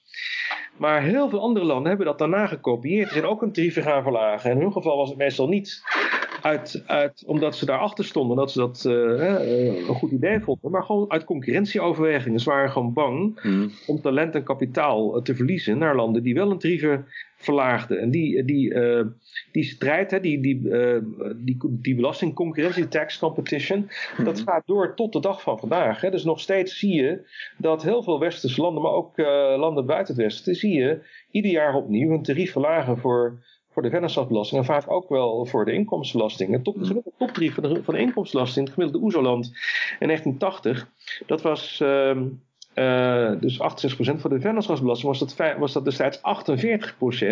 Dat is nu nog maar iets van een 22%. Nou, ja, dat is nog steeds te veel. Iedere cent is er één te veel, zoals jullie weten. Ja, zoals jullie, dat ik vind. Maar, uh, maar toch is het bijzonder dat het zo fors is, is verlaagd. En dat komt dus door concurrentie. Concurrentie is wat ons redt van politici die alsmaar meer belasting willen heffen. Mm. Als die concurrentie zou worden uitgeschakeld, als de, ja, als, de, als de politici erin slagen om een kartel te vestigen, zoals ze met in de vorm van de Europese Unie willen doen, dan uh, is waarschijnlijk ook van, van, van een wereldwijde VN-kartel uh, zouden willen doen. Als ze daarin zouden slagen, dan zouden we dus weer teruggaan naar de hoge tarieven van de jaren 70, de hoge regeldruk van de jaren 70 en de bijbehorende economische crisis. Maar dan even, even advocaat van de duivel spelen. Want ik neem aan dat je die argumenten ook kent van politici, misschien van, van, van linksstemmende mensen. Die dan zeggen van uh, ja, maar die mensen die zoveel belasting betalen, dat zijn juist de mensen uh, die op een oneerlijke manier aan hun geld gekomen zijn. Dat zijn de mensen die andere mensen uitwringen, die onduidelijke contracten maken, waardoor ze topwinsten halen. Die beleggen in hedgefondsen, waardoor de hele economie ontwricht raakt. Dus die mensen die moeten betalen. En dat is ja. ook de redenering die politici aandragen. Hè? Dus we, ja, dan denken, de, wat zeg je daarop? Weet je, wat moet je daarmee met dat soort argumenten? Wiens redenering is dat, zei je? Nou, ik heb het uh, recentelijk nog wel gehoord van, uh, uh, van Lilian Marijnis in de Tweede Kamer bijvoorbeeld. Ja, ja, ja. ja. Nee, goed. ja, kijk, er zijn twee soorten mensen, zou je kunnen zeggen. Twee soorten rijke mensen. Je hebt rijke mensen die hebben geld verdienen op een eerlijke manier. Mm -hmm. En je hebt rijke mensen die hebben geld verdiend op een oneerlijke manier. Mm -hmm. en ik denk dat de meeste rijke mensen geld op een eerlijke manier hebben verdiend over het algemeen. Dus dat betekent, zij leveren goederen en diensten. Ze bieden goederen en diensten aan waar andere mensen graag willen betalen. Mm -hmm. En dat, dat het hun leven verrijkt. Ja, ze zijn, ze zijn, hoe, hoe word je succesvol in, in, in de private sector? Dat doe je door voortdurend te innoveren, voortdurend te, te, te verbeteren, voortdurend te kijken, hè, wat wil mijn klant hebben? Uh, de, en, en, en, uh, en, en voortdurend na te denken over hoe kan ik die te zorgen dat die klant nog tevredener is. En nog, nog meer terugkomt en nog meer reclame voor me maakt. In de vorm van mond-to-mond reclame. En hoe kan ik in mijn kosten snijden? Hoe kan ik efficiënter werken? Uh, dat, dat is waar hoe je als, je, als je in de private sector leiding geeft aan een organisatie, hoe je succesvol wordt. door winst te maken, maar hoe maak je winst? Door te innoveren, door, door voortdurend jezelf te verbeteren, door je concurrenten stap voor te blijven. En als je dat niet doet, als je niet innoveert en niet verbetert, en niet bezig bent met die klant, dan ga je mhm. vanzelf steeds meer marktendeel verliezen tot je uiteindelijk dicht gaat of failliet gaat. Dat is hoe de private sector werkt. De publieke sector, de overheidssector, werkt heel anders. Hoe mensen die in de, de, overheid werken, die leiding geven aan een overheidsorganisatie, hoe meten die hun succes af? Niet aan winst, want die wordt niet gemaakt. Die, maken, die, leiden, die, die, die meten succes af aan hoeveel mensen ze onder zich hebben en hoe groot een budget is. Mm en het is totaal niet belangrijk wat de belastingbetaler, die er allemaal voor moet betalen, wat, wat die ervan vindt, of die tevreden is, ontevreden is. Mm Dat is totaal niet relevant, want die betaalt toch wel, anders wordt hij opgesloten. En die heeft niet de vrijheid om, uh, om de overeenkomst op te zeggen of om naar de concurrent te stappen. Dus daar gaat het niet om. Je moet je tevreden houden als je leiding geeft aan een overheidsorganisatie. Dat is uh, de politicus boven je of de ambtenaar boven je. Hmm. Dus wat, wat, je nodig hebt zijn niet business skills, hè, is niet, uh, maar dat is political skills. Hè. Je moet weten hoe je moet likken naar boven en, trappen naar onder. Hoe je met ellebogenwerk jezelf kunt opwerken in die politieke hiërarchie. Hmm. En op die manier kun je steeds meer budget krijgen en steeds meer mensen onder je krijgen. En de, de, de prikkel ligt daar dus ook totaal verkeerd. En uh, wat je vaak ziet is dat, uh, de, de, dat de meeste rijke mensen dus in die private sector een fortuin hebben gemaakt door goederen en diensten uh, te produceren en die steeds beter te produceren. Uh, en op die manier steeds meer mensen als klant binnen te halen die vrijwillig betalen omdat ze verwachten daar beter van te worden, omdat hun leven wordt verrijkt door waarde toe te voegen aan het leven van anderen. Er is ook een minderheid van rijke mensen die rijk zijn geworden door, door middel van ehm, het binnenharken van subsidies, het binnenharken van privileges, mhm. het lobbyen voor vergunningstelsels. Het binnenhalen van eh, contracten bij de overheid. Het omkopen van ambtenaren en politici, al dan niet legaal. Hè. Legaal kan dat ook, in de vorm van campaign contributions bijvoorbeeld. Mm op die manier geld binnen te hakken ten koste van de belastingbetaler. En zodra, op, dat, zodra iemand die rijk is en fortuin voor een belangrijk deel te danken aan dat soort ehm, ja, methoden, methodes waarbij er niet wordt waarde wordt toegevoegd aan het leven van anderen, maar waarbij uh, anderen worden beroofd en de, en de buit wordt verdeeld hè, op deze manier, ja, dan is het natuurlijk een heel ander verhaal. Mensen die op die hmm. manier fortuin hebben gemaakt, die zouden onteigend moeten worden. dus het is niet terecht om dan alle rijke mensen hoge belastingen te laten betalen en dan hetzelfde tarief. Nee, je moet onderzoek doen naar hoe is dat geld verdiend. Is het eerlijk verdiend, dan moeten ze dat gewoon houden. Mm En als het, als het, de, de, als het de buit is, hè, als, als als ze geroofd geld uh, buiten hebben weten te maken, middels de overheid, uh, dan uh, moet het afgenomen worden. Hmm. maar dat, om iedereen over één kant te scheren, hè, om eerlijke mensen die heel veel waarde hebben toegevoegd aan, aan, het leven van anderen gelijk te behandelen aan, aan criminelen en boeven, dat is natuurlijk volledig onterecht. Nou, dat is ook de discussie die ik natuurlijk vaak voer. En dan, uh, uh, weet je, dan is het argument ook van ja, maar uh, die mensen die daar exorbitant rijk zijn geworden, of bijvoorbeeld wel gewoon een, een waardevolle dienst leveren, die worden ook rijk. Die leveren vaak hele goedkope producten. En op het moment dat je dan bijvoorbeeld, dat je dan bijvoorbeeld een kwalitatief beter product zou willen hebben, ehm, niet alleen doordat het product van zichzelf kwalitatief beter is, maar doordat het duurder is geworden door wet en regelgeving, dan is dat vaak niet meer betaalbaar. Dus ik ken bijvoorbeeld veel mensen die zeggen: ja, ik zou wel graag uh, biologisch willen eten, bijvoorbeeld. Maar dat is duurder, dus dat ga ik nu niet doen. Want mijn argument is altijd: je moet gewoon bewust consumeren. En dan stuur je op die manier zelf, met je voeten als het ware, stuur jij hoe de samenleving verloopt. Uh, maar in een stelsel waarin zeg maar allerlei uh, producenten slash ondernemers niet gelijk getrokken zijn, of waar ze zeg maar niet een gelijk beginpunt hebben, daarin is dat niet zo makkelijk. Ja, daarin, uh, ja, en dan is een beetje de vraag van waar leg je dan de grens? Ik, nou, zoals libertariër kijk ik een beetje naar het NAP. Van breng ik dan andere mensen schade toe of breng ik hun eigendommen schade toe? En dan is wel de vraag, als je daar geen overheid voor hebt, hoe wil je dat dan regelen? Je, hoe zorg je dat je die rotte appels ook vanuit libertarisch oogpunt er dan buiten houdt? Of dat je zorgt dat die de mogelijkheid niet krijgen? Ja, goed, binnen de libertarische theorie of de libertarische beweging zijn er twee theorieën over de rol van de overheid. Mhm. De ene theorie is die van het minarchisme, de theorie van de minimale staat. Mhm. Ehm, en dat is een, een, een overheid die eigenlijk maar één taak heeft. En dat is ehm, het beschermen van eh, de burger tegen geweld, tegen inbreuk op een lichaam of eigendom. Het zij door criminelen, het zij door een buitenlandse invasie. Maar als, als de burger wordt bedreigd, als zijn eigendom wordt bedreigd door een crimineel of door een vijandig leger, dan is het de taak van de staat om die burger daartegen te verdedigen. Het is door middel van leger, politie, rechtspraak. En dat is het. Dat is de enige legitieme taak van de overheid. De overheid is een geweldsapparaat. En geweld mag alleen worden gebruikt ehm, eh, op defensieve wijze. Dus als, als A agressief geweld gebruikt, initiatief neemt tot geweld. Mhm. Hè, bijvoorbeeld een rover, een, een, een dief, een moordenaar, een verkrachter, een oplichter. Hè, tegen zo'n persoon mag je defensief geweld gebruiken. Je mag die persoon dwingen om zijn slachtoffer schadeloos te stellen. En als die gevaarlijk is of voor een haling valt, kun je hem ook opsluiten. En en dat, dat, dat is dan de enige legitieme rol voor de staat. En dat betekent dat in zo'n samenleving iemand die. eh, nou, in eerste plaats is het natuurlijk veel moeilijker om rijk te worden door een graai te doen uit de zak van de belastingbetaler via de overheid. Want in zo'n eh, samenleving eh, eh, is, er, is er nauwelijks een overheidsbudget. Hè? Dat is maar een fractie van wat het nu is. En, en, en ook is het zo dat in, een, in zo'n samenleving met zo'n extreem kleine overheid, daar hoeft helemaal geen belasting te worden geheven. De politie kan gewoon abonnementen verkopen om, om op die manier Mhm. klanten te werven. Eh, re- Rechters kunnen worden betaald door de verliezer. Eh, en het leger zou je kunnen betalen. Nou ja, er zijn een paar creatieve oplossingen voor. Maar één oplossing is dat, eh, dat mensen gewoon vrijwillig een donatie doen. De, de, de- zelfs in de huidige maatschappij, waarin de helft van ons geld wordt geroofd door de staat, is nog steeds in de duidelijkheid om meer de industrie. Maar een andere oplossing is dat. Dat eh, zou kunnen zijn dat eh, mensen eh, die vrijwillig meebetalen aan het leger, de mensen die dat niet doen, gaan boycotten. En op die manier is het zo dat, dat die mensen die geboycott worden, financieel beter af zijn. Als ze niet geboycott worden, door gewoon ook mee te betalen aan, aan het leger. Mhm. En zo'n leger hoeft natuurlijk ook veel minder, eh, die is, al- is alleen maar defensief. Het is niet om, om zomaar eh, allerlei oorlogen te gaan voeren in al- allerlei landen om daar eens even orde op zaken te stellen. Het is alleen maar voor landsverdediging, dus dat kan dan ook veel goedkoper dan, eh, dan dat nu gebeurt eh, in heel veel eh, landen. Mhm. Eh, dus dat is één theorie.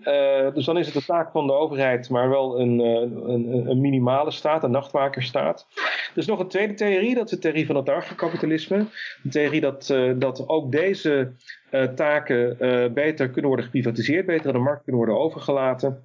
Dat is een theorie eh, waar de meeste mensen nooit van hebben gehoord. En waar de meeste mensen ook helemaal geen voorstelling van kunnen maken hoe dat dan zou moeten. Mhm. Om dat goed uit te leggen, eh, heb je eigenlijk heel veel tijd nodig. Tijd die er nu waarschijnlijk niet zal zijn. Ah, nee, maar ik, ik, kan, ik kan mensen wel een tip geven als ze een idee willen krijgen daarvan. Er staat Ja. op YouTube eh, staat er een prachtig geïllustreerd filmpje van, de, duurt ongeveer een half uur, van The Machinery of Freedom van David Friedman. En daarin legt hij in ieder geval de basis van zo'n soort samenleving, dat legt hij uit. Waaronder ook eh, onder andere private rechtspraak en private beveiligingsdiensten en zo. En er zit ook een idee in van de, ja, de, de normale, normale omgang met elkaar. En uiteindelijk dan raak je door dat soort eh, de, de manieren waarop je met elkaar omgaat, raak je ook gewend aan om dingen op een bepaalde manier te regelen. Zonder dat er nou een instantie voor hoeft te zijn om die manier van doen te handhaven. Weet je, het is meer een soort gewoonterecht als het ware. Ja. Maar Eh, er, was, er was trouwens Ja. nog een eh, reactie in de chat op wat het van net zei. ja, Ehm, even kijken hoor. Maar als de verliezer ehm, bankroet is, wordt het lastig eh, natuurlijk om het eh, gerechtsapparaat te bekostigen. Ja, nou goed, in eerste plaats, eh, eh, als hij niet zo bankroet is, wil niet zeggen dat hij de rest van zijn leven ook moet blijven. Dus eh, iemand kan weer eh, zijn financiële positie verbeteren en alsnog die schuld betalen. Dat is punt 1. Punt 2, uiteraard is het denkbaar dat, eh, dat die persoon doodgaat eh, of de rest van zijn leven alleen maar met zijn ogen kan knipperen en dat je nooit iets van hem kunt plukken. Ja, dat klopt, maar dat geldt voor iedere, iedere organisatie, dat het er wel eens komt, kan voorkomen dat je een debiteur hebt die niet betaalt. Nou, dat, dat, dat moet je dan incalculeren en dan, eh, ja, dat betekent in feite dat de andere klanten iets meer betalen hè, om, om die organisatie Uh, in feite te compenseren het feit dat er ook wel eens een keer een, een, een, een debiteur is die helemaal niet betaalt. Dat betekent niet dat het systeem daarmee onmogelijk kan worden gefinancierd. Nou, ik heb eigenlijk zelf er nog een vraag over. Ik, de, waar ik met name vaak op vastloop. Hè. Ik ben dus van de voluntarist slash anarcho-kapitalist en hart en nieren. Wat mij betreft nul overheid, nul belasting. Maar ik zit dan wel na te denken over hoe zorg je er nu voor dat de communicatie tussen producent uh, slash dienstleverancier en consument uh, dat die volstrekt transparant is. Dus er wordt een contract afgesloten. Nou, als je de contracten bijvoorbeeld voor de telefoniemarkt kent, dat zijn pakken papier met, met, met duizenden kleine regeltjes van kleine lettertjes. Nou, dan ga je niet allemaal lezen. En intussen heb je daar wel je handtekening onder gezet, zonder dat je eigenlijk weet wat de inhoud van dat contract is. En dat gaat ook heel makkelijk, weet je. Want dan denk ik, ik heb nu een telefoon nodig, ik heb nu dat abonnement nodig. Uh, ja, en dat contract is er nu één keer bij alle maatschappijen zo. Dus ik zet maar mijn handtekening. Dan kan ik in ieder geval bellen. Hoe zorg je er nu voor in een soort van systeem zonder overheid?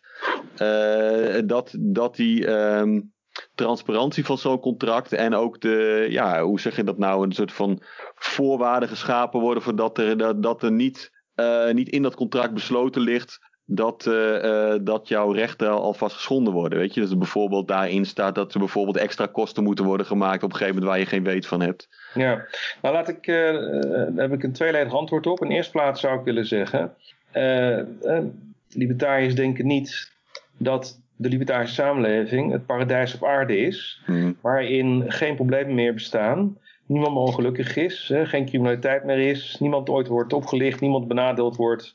Dat, dat, eh, dat, dat is niet zo. Hè. We denken niet dat libertarisme het, het paradijs brengt, dat de libertarische samenleving het paradijs op aarde is. Wat wij denken is dat, uh, dat het systeem zoals wij dat voorstaan, dat dat beter is dan alle andere alternatieven. Mm ja, dat is een fundamenteel verschil. Hè. Het is heel vaak uh, wordt, worden libertariërs voor blok gezet zo van... Hé, hey, ik heb volgens mij een mankement ontdekt in jullie mhm. systeem. Hier is toch nog een probleem. Uh, zie je wel, uh, het is dus niet perfect. Maar ja, perfectie kan de mens niet bereiken. Mm dus het feit dat, dat, dat libertarisme niet perfect is, dat is helemaal geen argument tegen de vrije markt, tegen ons systeem. Uh, een argument zou zijn, ik heb een beter systeem, wat, uh, wat beter is dan wat jullie voorstaan. En, en dat moet je dan kunnen, kunnen onderbouwen, zoals wij ook proberen te onderbouwen, dat, waarom ons systeem het beste systeem is. En als we dan kijken naar het voorbeeld van telecommunicatie, dan vind ik heel leuk dat je dat eruit gepikt hebt. Als er nou één voorbeeld is van iets wat, uh, waar het heel erg duidelijk is dat de opheffing van de staatsmonopolie enorme uh, positieve gevolgen heeft gehad. Is wel de telecommunicatie. Mm -hmm. Ik maak vaak de vergelijking met communistische landen en de vergelijking met ja, dat West-Duitsers die, bouwen, die bouwden in de jaren 50, 60 en 70 en 80 bouwden ze hè, BMW's, Audi's en Mercedes die over de hele wereld worden verkocht, dat iedereen het geweldige auto's vindt. Terwijl in Oost-Duitsland diezelfde Duitsers die aan de verkeerde kant van de muur zijn, uh, helaas zijn terechtgekomen, die bouwen dan trabanten. Die uh, met een tweetakmotor, waar die gruwelijk stinken, die 80 mm -hmm. die van karton zijn gemaakt. En waar ze tien jaar moeten wachten. dus dus uh, als, uh, dat, dat, dat, dat is een manier om te laten zien wat voor een dramatisch verschil daar is tussen de vrije markt enerzijds, uh, relatief mm. markt, en, en een systeem met heel weinig economische vrijheid, met, met een staatsmonopolie. Wat, hoe dat, hoe dat, wat de gevolgen zijn daarvan. Maar we hebben het ook in, in Nederland zelf hebben we het ook kunnen zien, dan niet tegelijkertijd. Want we hebben geen muur gehad met een Oost- en West-Nederland, met aan de ene kant meer en minder, hè, aan de ene kant veel economisch, aan de andere kant weinig. Wat wij hebben gehad is tot uh, tot begin jaren 90 was telecommunicatie in Nederland een staatsmonopolie. Mm Het gevolg was dat iedereen moest bellen met dezelfde telefoon. Die moest je verplicht huren van, van, de, van de PTT, het sta, de mhm. Dat was een grijze draaischijftelefoon. Mm De T65, die is ergens in de jaren 50 is die ontworpen. En, uh, en, en tot, tot een paar jaar voordat monopolie werd opgeheven, had iedereen in Nederland precies dezelfde telefoon. Ja, daar hebben wij allemaal nog mee gebeld. Hè? Dat is even voor het beeld. Ja. Nou, en, en toen het monopolie uh, werd opgegeven, nou, de moderne telefoon, dat, daar, kun je, dat, dat, daar kun je meer mee dan de computers waarmee de mensen naar de maan vlogen mm. in 1969. Hè? Dat, ja, ja. Dat, dat staat er geen enkele verhouding, die oude en die nieuwe telefoon. Dus dan zie je dat, een, dat het loslaten van een monopolie, het einde mm. van een staatsmonopolie, dat dat uh, een enorme inhaalslag kan veroorzaken met een enorme uh, groei in innovatie en Ja, ja. creativiteit. En, en ook als je kijkt naar de kosten. Als je in de jaren 80 ging emigreren, Mhm. eh, dan, eh, dan ging je afscheid nemen van je familie. En die zou je dan nooit meer spreken totdat je weer terugkwam op familiebezoek. Maar er was niemand die ging opbellen in het buitenland, dat was veel te duur. Ja. Niemand belde naar het buitenland. Ja, zakenmensen die, die, eh, die privéjets eh, vlogen, die gingen naar het buitenland. Maar een normaal mens belde niet naar het buitenland, dat was veel te duur. Dat kunnen we ons niet meer voorstellen. Nu kun je gewoon, eh, gewoon gratis de hele wereld afbellen. Maar eh, dat was de wereld van de jaren tachtig, toen er nog een staatsmonopolie was. Ja. Het is een één, één voorbeeld van hoe ons systeem door een kleine verandering, hè, namelijk het eindigen van de staatsmonopolie op telecommunicatie, een gigantische eh, vooruitgang heeft veroorzaakt. Met, met, met een product dat ontzettend veel beter is voor een ontzettend veel lagere prijs. En, eh, en, het maakt, en, en mensen hebben wel eens keuzestress, want ze weten niet welke provider ze moeten kiezen of, eh, of welke telefoon ze moeten uitkiezen. En, en als ze daarover zeuren, dan zeg ik ja, hè, doe gewoon eh, een blinddoek om. Hè, pak een, een dart, gooi blind een dart op een bord met, eh, met Mhm. alle providers. en Alle telefoons kunt kopen, welke je ook kiest, waar die dart ook terechtkomt. hè, eh, het is extreem veel beter dan wat, wat, wat wij nog hebben meegemaakt begin jaren negentig. Dat, dat je met de monopolist te maken had Ja. keuzestress. Kies gewoon blind, het maakt niet uit. Het is altijd beter, altijd prijs. Het is altijd beter. Maar wat ik me nou dus afvraag, die, die prijs-kwaliteitsverhouding is natuurlijk stukken beter geworden. Dat ben ik gelijk met je eens. Maar wat ik, wat ik me nu dus afvraag, zou het ook zo zijn dat als de overheid zich veel minder zou bezighouden met wat er in zo'n contract moet staan, eh, dat het contract ook veel kleiner zou kunnen. En dat het bijvoorbeeld niet allerlei gevolgen heeft voor bijvoorbeeld je hypotheek. Als je namelijk een telefoon hebt die op afbetaling, dan telt dat mee voor je hypotheek. En ook eh, in verhouding veel zwaarder dan dat die telefoon eigenlijk kost. Je? Dus de vraag is dus van, als de overheid zich daar niet meer in mengt, van de, de, wat er in zo'n contract zou moeten staan, eh, zou zo'n contract dan kleiner zijn, zou het dan transparanter worden eh, en zijn daar misschien ook voorbeelden van. Weet je, voor de bouw heb je ook dat soort dingen. Ik heb nu voor mijn eigen huis weer apart woningborgcontract afgesloten om te zorgen dat mijn aannemer op tijd die woning af heeft. Je, Dus al die mogelijkheden die zijn er gewoon, maar de vraag is wel van, wordt het er transparanter van? En, ehm, en vooral ook begrijpelijker op het moment dat de overheid zich er niet meer mee bezighoudt. Ja, eh, eh, mijn visie op de overheid is: het is gewoon een, een, een, eh, een blok aan ons benen. Je moet, kunt het vergelijken met een kanonskogel, een hele grote metalen bal, die met een ketting om onze enkel vastgemaakt. Mhm. En mensen die zouden kunnen hardlopen, die worden gedwongen om te strompelen. Ze komen nog wel vooruit, maar we komen en gaan extreem langzaam vooruit. Terwijl zonder die, zonder die enorme eh, zware bal aan onze enkel zouden we gewoon eh, heel hard kunnen rennen. En heel erg snel vooruit kunnen komen. Dus uiteraard ben ik ervan overtuigd dat als eh, de grip van de overheid op de economie en ook op de telecommunicatie, die al een stuk minder is geworden, een heel stuk minder is geworden, als het nog verder zou worden gedereguleerd, dat, eh, dat, eh, dat weer wederom zou zorgen voor meer groei, voor meer innovatie, voor meer vrijheid en, en meer welvaart. Hè, Dus ook op dit punt. Ja, en dan concreet als je het hebt over die algemene voorwaarden. Ja, ehm, eh, kijk, in het huidige systeem is het ook niet zo dat als jij de algemene voorwaarden zet dat je een, een van de rare bepaling zet die, die veel te ver gaat, dat die afdwingbaar is. Als, je, als een bedrijf serieus zou proberen om consumenten te dwingen eh, een of andere absurde algemene voorwaarden na te komen, dat, dat, zou, dat zou geen enkel rechter zou dat honoreren. En die, zou dus, die rechter zou zeggen, luister, die algemene voorwaarden die zijn er om niet te lezen. Als Mhm. het niet waarom te lezen, dan zou het onderdeel van het contract zijn. Dan zou je een paragraafje moeten zetten op iedere pagina.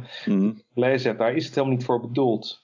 Ja, dus, eh, dus daarom, juist omdat het niet gelezen wordt, daarom mag er niks in staan wat ongebruikelijk is. En als je er toch iets ongebruikelijks in zet, dan is het gewoon niet afdwingbaar. En ik, en ik denk dat dat in een libertarische samenleving niet heel veel anders zou zijn. Ik denk niet dat Ja. een libertarische samenleving de rechter zou zeggen... Oh, u had het niet goed gelezen. Maar ja, er stond toch in dat u uw hand moet afhakken hè, als u eh, een te laat betaalt. Dus ja, uw hand gaat eraf. Hè, dat, Ja, ja, ja, ja. maar, Maar als je nu die- kijkt naar die hele ontwikkeling, hè, van dat we de, de, zijn in Nederland, nou zeg in de middeleeuwen hadden we het gildenstelsel. Het heeft zich uiteindelijk een beetje ontwikkeld naar kamers van koophandel, naar een, één kamer van koophandel, naar een eh, overheid die centraal alles wil, eh, wil aansturen wat betreft die regelgeving. Eh, zouden we dan weer gewoon naar een systeem kunnen waarin er naast een soort van ja, ondernemersverenigingen, die in Nederland natuurlijk zat hebt, hè, die, die de belangen van ondernemers kunnen vertegenwoordigen. In plaats van dat de Kamer van Koophandel dat zou doen, want daar gaat ook gewoon belastinggeld naartoe. Uh, en daartegenover consumentenorganisaties die onderling met elkaar dan onderhandelen over uh, wat er eventueel in zulke voorwaarden zou, uh, zou moeten kunnen komen te staan. Ja, nou ik denk dat een, als je kijkt naar een Kamers van Koophandel, dan in, landen waarin ze niet door de overheid worden uh, gesubsidieerd of, en, en niet uh, bijzondere privileges krijgen, niet allerlei wetshandhavende taken krijgen. Dat soort landen is het gewoon een, ja, een organisatie die meestal schadeloos is, die juist goede dingen doet, hè, die mm. pakte bevordert tussen ondernemers en zo. Um, hè, dat, dat het hier niet zo is. Dat komt omdat de overheid die Kamer van Koophandel feiten heeft, heeft overgenomen soort vijandige overname zou je kunnen zeggen. Mm. Bijna. Helemaal vijandig zal het niet zijn, want waarschijnlijk hebben ze die mensen van de Kamer van Koophandel gepaaid met al hun subsidies en, en, en, en, en, en, zoethoudertjes. Maar uh, het feit is dat het absoluut geen particuliere organisatie meer is. Hè? Dat het gewoon een overheid uh, is geworden.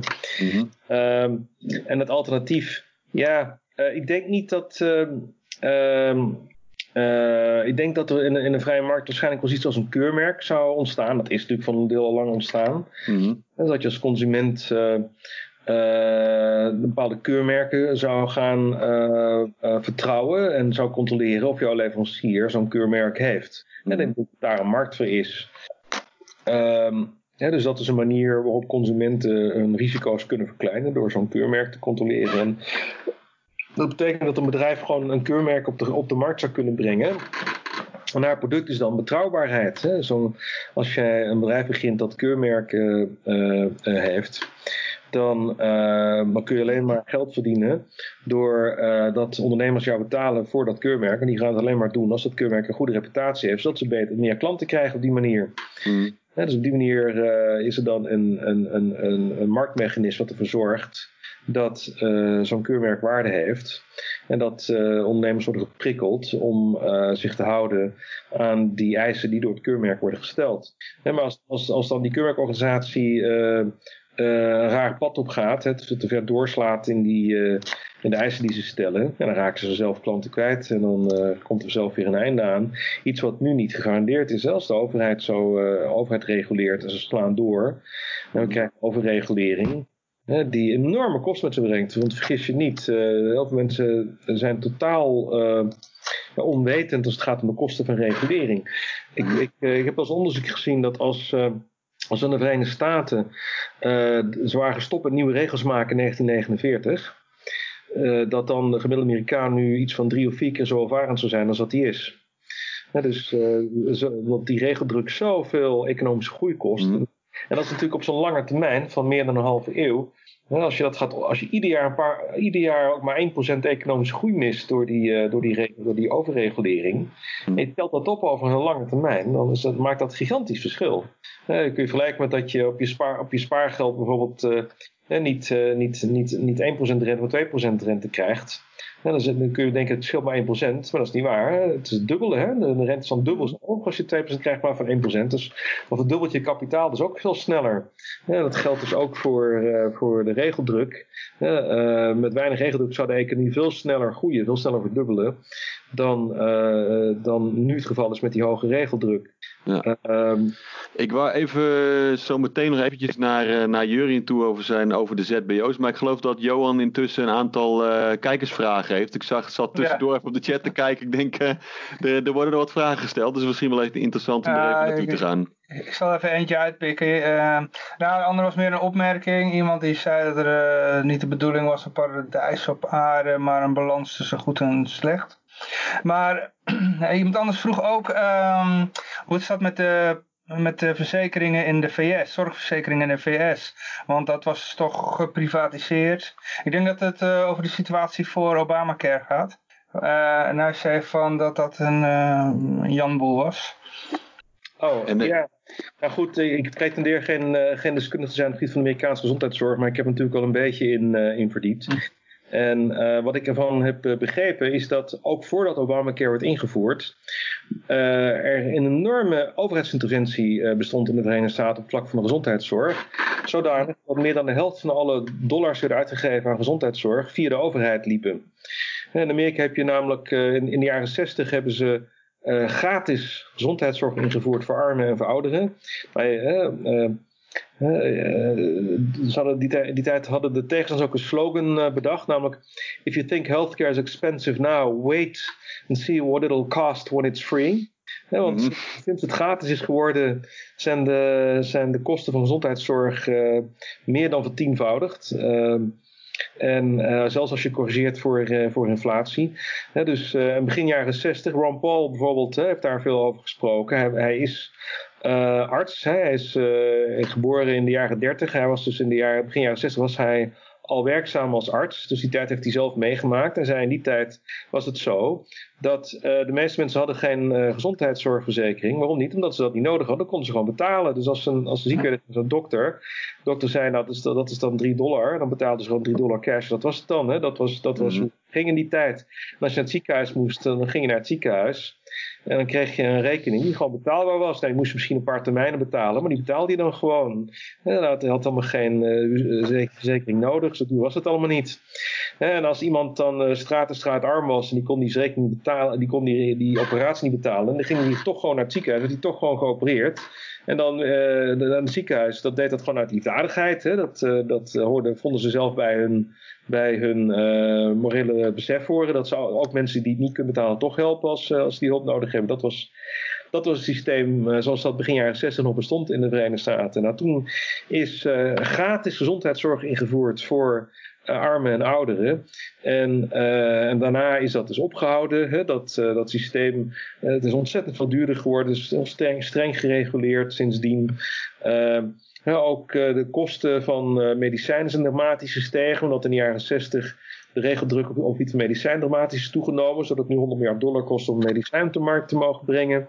Uh, wat ook in Amerika speelt is dat uh, de artsen een soort gilde hebben gevormd. Ze noemen ze dat zelf niet. Uh, je zou het ook een vakbond kunnen noemen. American Medical Association. Die zorgt ervoor dat er relatief weinig artsen worden toegelaten. Zij bepalen of een universiteit een, een, medical school mag, mag hebben. Um, en uh, wat je ook in Amerika hebt zijn um, certificate of need laws. Hè, dus dat betekent dat als je een ziekenhuis wil beginnen, moet je eerst een vergunning krijgen. Als je een vergunning aanvraagt, dan maakt de concurrerende ziekenhuis maar bezwaar. Zegt er zelf niet nodig. Dus dan een ziekenhuis in deze mhm. stad. Dan krijg je die vergunning niet. dus het, het aanbod hè, wordt op die manier kunstmatig schaars gehouden. Er zijn dus kunstmatig weinig ziekenhuizen, kunstmatig weinig artsen. Daardoor zijn artsen ook heel erg duur geworden. Door die, doordat ze eigenlijk door het vergunningsstelsel concurrenten uh, buiten weten uh, te houden. en daardoor is die, door, door overheidsinterventie, met andere woorden, is die zorg, die zorg ontzettend veel duurder geworden dan die was. Um, en dat is inderdaad een probleem, maar het probleem is niet uh, zoals heel vaak in het leven, de overheid is niet de oplossing, de overheid is het probleem.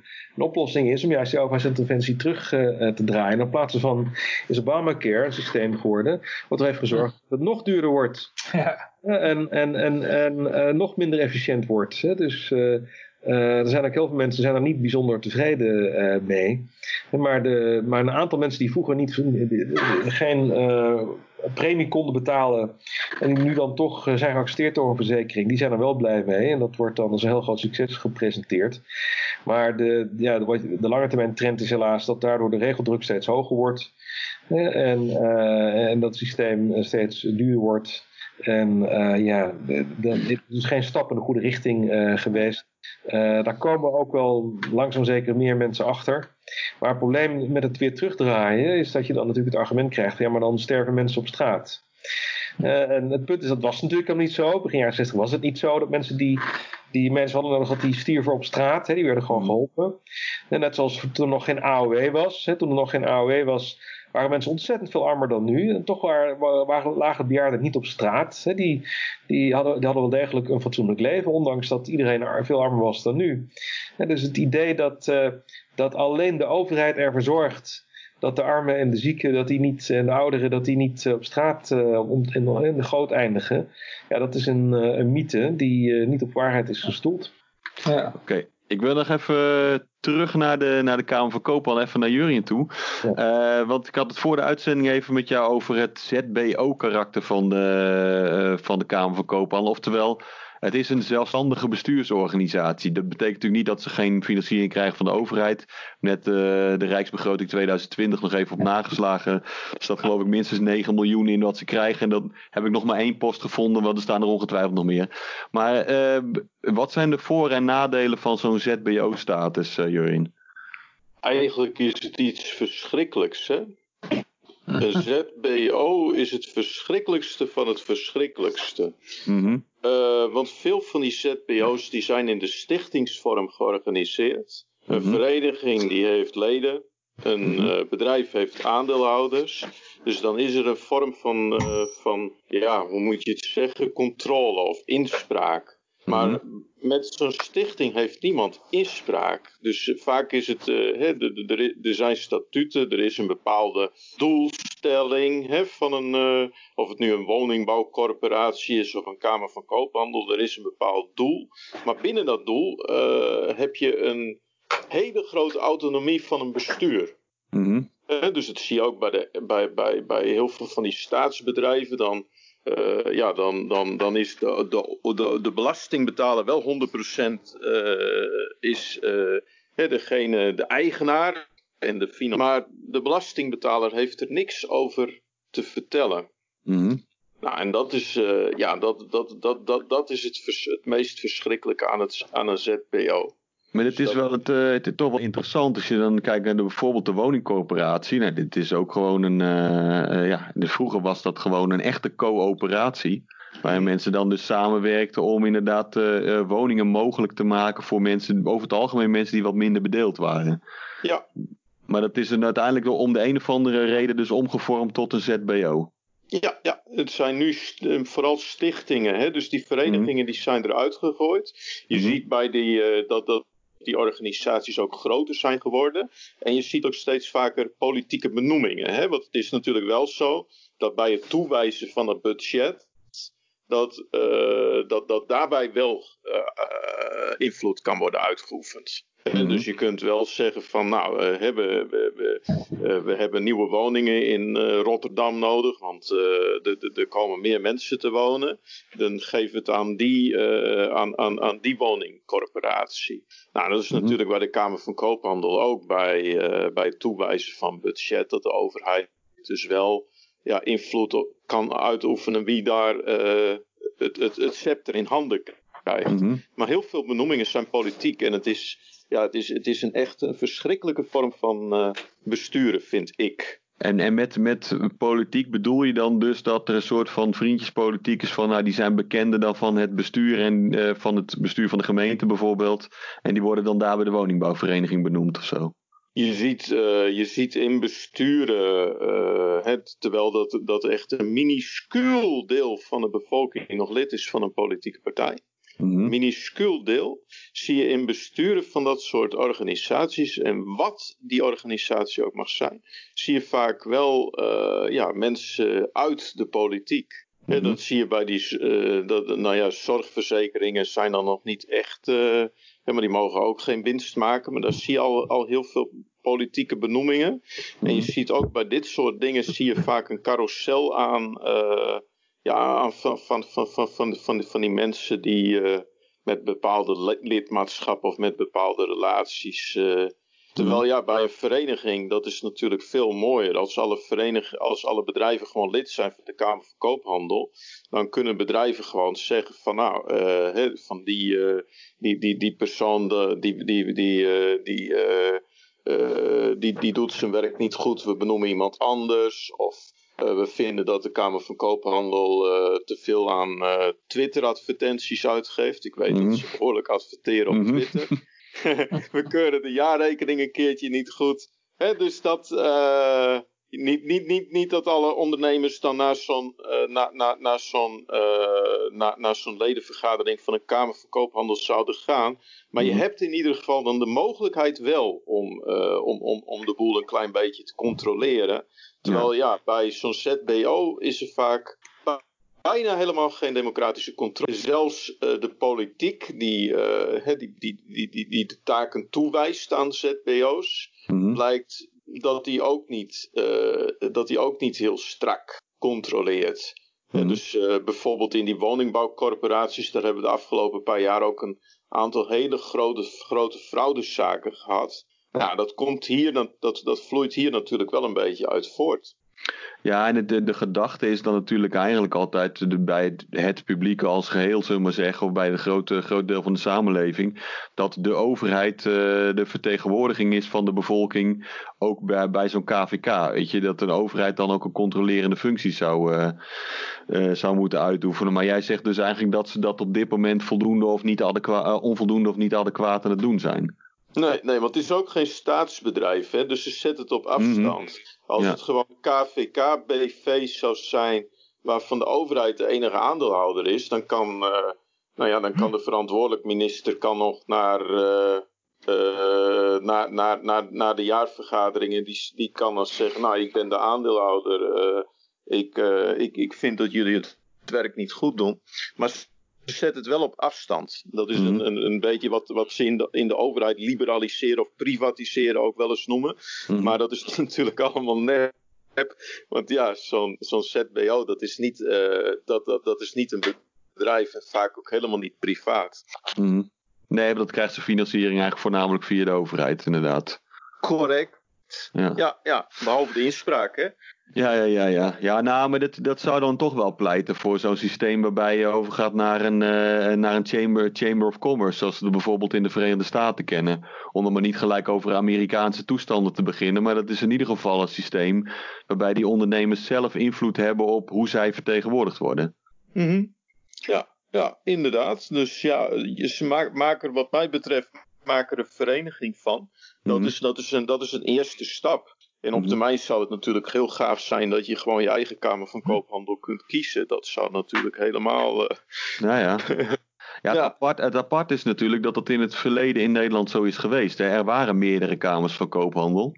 Maar dat is uiteindelijk natuurlijk toch gecentraliseerd.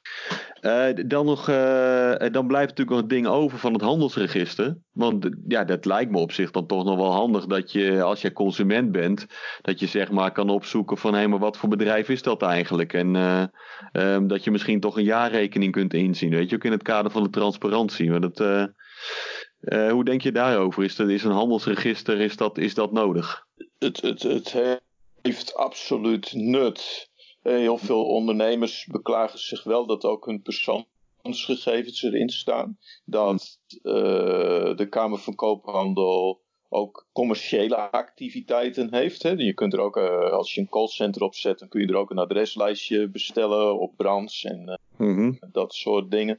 Dus ja, wat, wat, wat, wat, wat, dat betreft ehm, uh, is, is, is het natuurlijk beter. Uh, het, het, het is wel goed dat er iets georganiseerd Maar ja, het, het hoeft dan niet in de, in de, in de ZBO-vorm te worden gegoten.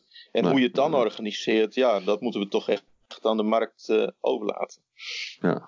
ja.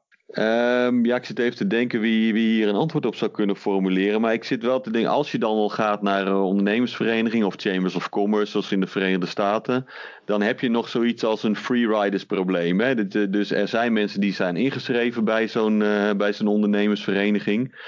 Uh, die hebben daar voordeel bij. Maar ook allerlei ondernemers die daar niet bij zijn ingeschreven, die hebben er ook voordeel bij. Dus dan is de vraag van wat is dan je reden om je in te schrijven bij zo'n ondernemersvereniging, zo'n Chamber of Commerce.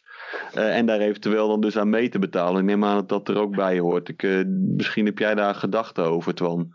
Ja, ik zie het vuurwaardersprobleem nog niet zo. Uh, wat, nou, wat, wat er aan wat natuurlijk gebeurt is dat uh, er zijn allerlei, uh, volgens mij noemen ze dat in de, in de technische termen externalities, oftewel allerlei mensen die niet bij zo'n vereniging zitten, die hebben er toch voordeel bij dat zo'n vereniging bestaat. Weet je, dus dan is de vraag van, ja, moet ik daar dan aan mee gaan betalen? Want ik heb ook de voordelen als ik er niet aan mee betaal.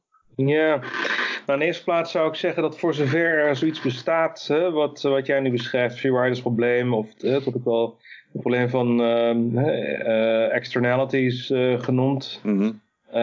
neighborhood effects. Mm -hmm. ja, in de eerste plaats zou ik zeggen, die, voor zover dat een probleem is, maakt de overheid dat probleem alleen maar groter in plaats van kleiner mm -hmm. in het algemeen. De overheid is eigenlijk één groot freeriders probleem. Hè? De overheid is een organisatie die ervoor zorgt dat dat dat eh, eigenlijk een soort klassenmaatschappij is. Hè. Je hebt twee klassen. Je hebt mensen die netto belasting betalen. Mensen die netto belastinggeld ontvangen. En die, die netto-belastingbetalers worden dus eigenlijk uitgebuit. Hè? eh, Volgens het, een beetje Karl Marx-achtige eh theorie op loslaat. Die worden Oké. uitgebuit, uitgeperst. Ik hoor Renske Leijten nog tegen je schreeuwen. Hè? Ja. maar eh, ga verder, ja. ja. En, en er is ook een groep mensen die daar dus de vruchten van plukken. In ieder geval op de korte termijn. De lange termijn is iedereen slechter af, denk ik. Maar op de korte termijn is, er zijn er dus mensen die, eh, die daar eh, baat bij hebben. Mhm. Ehm, en daardoor worden mensen geprikkeld om in plaats van zich productief te maken, want dat wordt afgestraft. Hè, hoe productief je bent, hoe meer je wordt gestraft, hoe meer geld je wordt afgenomen. Ja, mensen worden geprikkeld om in plaats daarvan improductief te worden, dus gewoon eh, eh, niets te gaan doen. Want dan krijgen ze geld in plaats van dat ze geld moeten betalen. Eh, maar mensen worden ook geprikkeld om bij de overheid te gaan werken, ambtenaar te worden, politicus te worden. En juist schade te gaan aanbrengen. Hè? Om, om regels te gaan maken, regels te gaan afdwingen, en oorlogen te gaan voeren en dat soort dingen. Dus dat, dat probleem van, van externalities, Mhm. dat, dat heb je juist bij de overheid. De overheid kan ook de kosten van wat ze doet afwentelen op al die belastingbetalers. Hè, dus mensen die bij de overheid gaan lobbyen, die halen dan een voordeeltje voor zichzelf binnen. En, en dan kosten worden op alle mensen afgewikkeld. En die kunnen zich niet aan onttrekken. Dan worden ze opgesloten als ze proberen zich te onttrekken aan die belastingheffing. Mhm. Of aan die privileges die ervoor zorgen dat, hè, dat de in-crowd wel een vergunning heeft, maar de rest niet, enzovoorts. Dus eh, ja, voor zover je heel erg bezorgd bent over het freerider probleem of het probleem van externalities, zou je juist voor een zo klein mogelijke overheid moeten, moeten eh, pleiten. Ben het wel met je eens. Maar het, het ding is natuurlijk dan, de, als je kijkt naar je wil de vervanging voor de overheid. Hè, oftewel, je wilt een, samenleving zonder overheid. eh, maar je wilt toch wel bepaalde dingen regelen. Je wil dat belangen van ondernemers bijvoorbeeld eh, vertegenwoordigd worden. Of dat ze reclame kunnen maken. Nou, die gaan zich verenigen op een gegeven moment. Eh, en dan is natuurlijk de vervolgvraag van... hé, maar is dat realistisch om te verwachten... dat ondernemers dat allemaal zelf zullen gaan regelen? Dat ze bijvoorbeeld een handelsregister gaan bijhouden. Wie gaat het dan betalen, weet je wel? Maar- Maar dat is toch heel simpel. Je kunt zo, als mensen willen betalen om geregistreerd te staan, dan kunnen ze daar willig voor betalen. En dan kunnen ze heel trots op een website zetten. Kijk eens, ik ben geregistreerd. mhm, En ja. als de klant dat waar, daar waarde hecht, als de klant zegt, ik doe liever Ja, ja. met iemand die geregistreerd is Mhm. en bereid is een hoge prijs te betalen voor het product, dan kan daarmee eh, die ondernemer die kosten betalen voor dat register. En dan eh, kan dat vrijwillig worden gefinancierd als daar een markt voor is, als daar behoefte aan is. Mhm. Ja, en iemand die dan eh, niet mee betaalt, die kan zich niet registreren. Die kan het niet op zijn website zetten, dat is een fraude zijn. Dus die, eh, die zal dan moeten accepteren dat er ook klanten zijn die zeggen... oh, ben je nergens geregistreerd, dan wil ik bij jou iets kopen. Ja, ja. Maar ik zie niet direct een freeriders probleem hier. Nee, ja, ik zit nu ik erover naast te denken, denk ik ook dat zal zeer waarschijnlijk toch veel eerder een soort van concurrentie ontstaan tussen verschillende kamers van koophandel die dan een eigen keurmerk gaan hanteren. En mensen die daar dan uit kunnen gaan kiezen en denken van hé, maar dat vind ik een fijn keurmerk of zo. Net zoals je bijvoorbeeld een merk scheerapparaat in de winkel kiest. Ja, ja ik denk dat, eh, dat er veel minder freeriders problemen zijn dan, dan heel veel mensen denken. Mhm. Eh, en daarnaast is het ook een kwestie van gradatie. Maar bijna alles wat mensen doen, is het zo dat andere mensen mee profiteren zonder dat ze kunnen, gedwongen worden, kunnen worden gedwongen om er, om er ook mee, om er mee te betalen. Dus als ik een heel mooi gebouw neerzet, ze er langs lopen of langs fietsen of langs rijden, die genieten van het mooie gebouw. En ik kan ze niet dwingen Mhm. daar te betalen.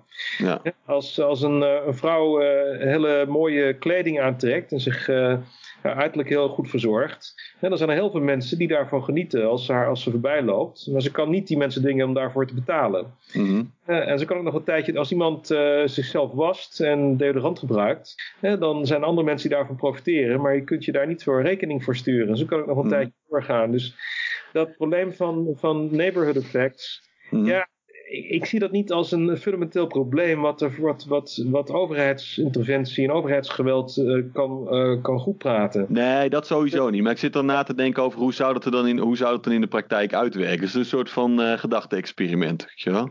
Ja, nou ja, er is eigenlijk ehm, eh, maar, maar één eh free rider probleem, wat, eh, wat door eh, vrij veel denkers, ook libertarische denkers, serieus wordt genomen. Dat is de financiering van het leger.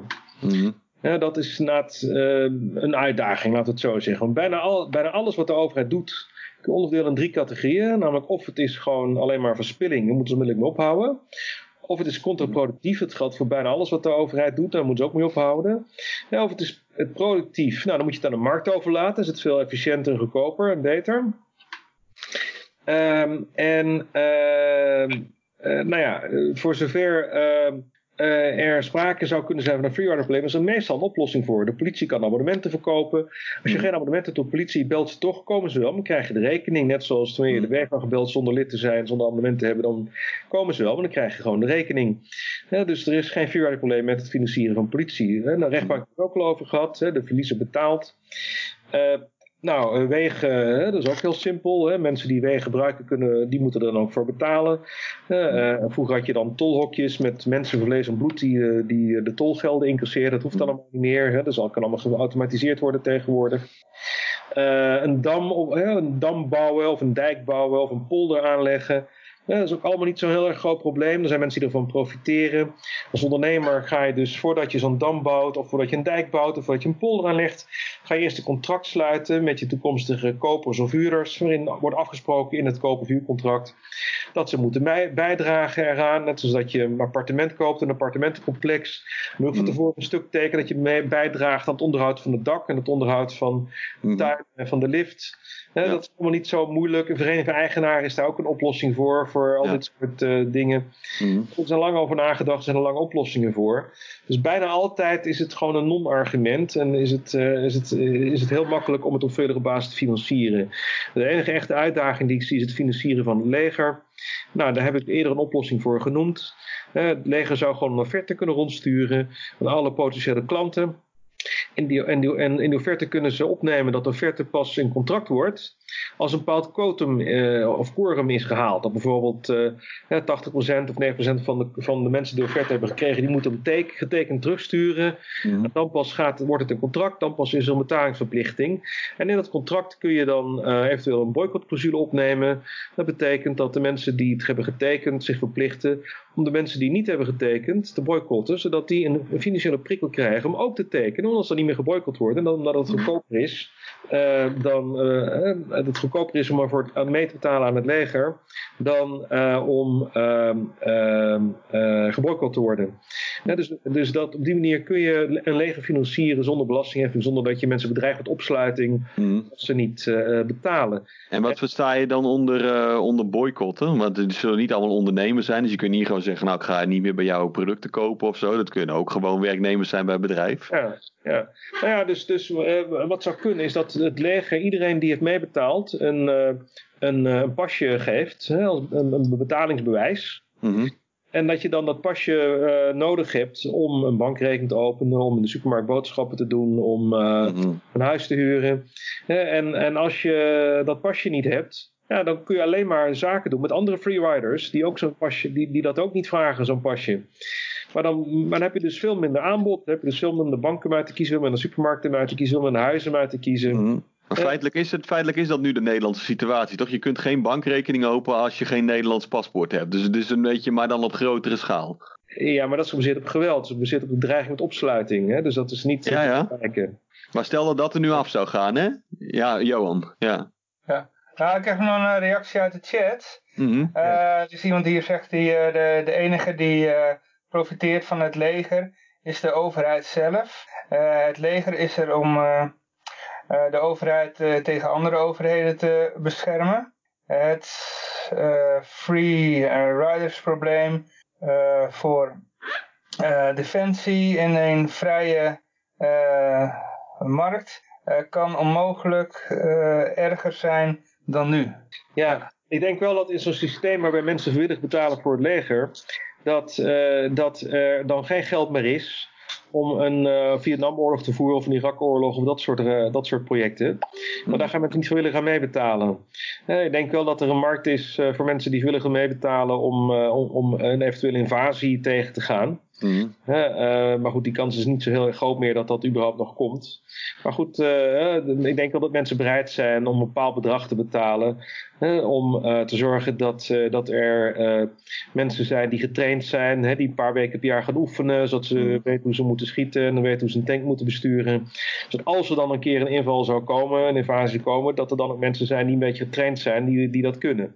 Mhm. Hè, dat, eh, dat, daar, dat mensen daar wat geld voor over hebben, dat, eh, dat acht ik, die kans acht ik wel redelijk. Maar de kans dat mensen willen betalen voor een mi- militair industrieel complex en voor oorlogen in Irak en in Afghanistan en in eh, Vietnam en weet ik het, eh, waar ook de wereld, dat, dat, dat, dat geld komt er dan niet meer. Maar het is ook alleen maar goed dat het niet meer komt. Ja. Maar ik, ik wil ze ook nog wel tegen inbrengen. De, de Amerikanen hebben gewoon het, het duurste leger ter wereld. Er is Ja. nog nooit een eh, rijk geweest met zo'n duur leger als de Amerikanen. Met de meest geavanceerde waarden. eh, sorry, de meest gea- geavanceerde wapens.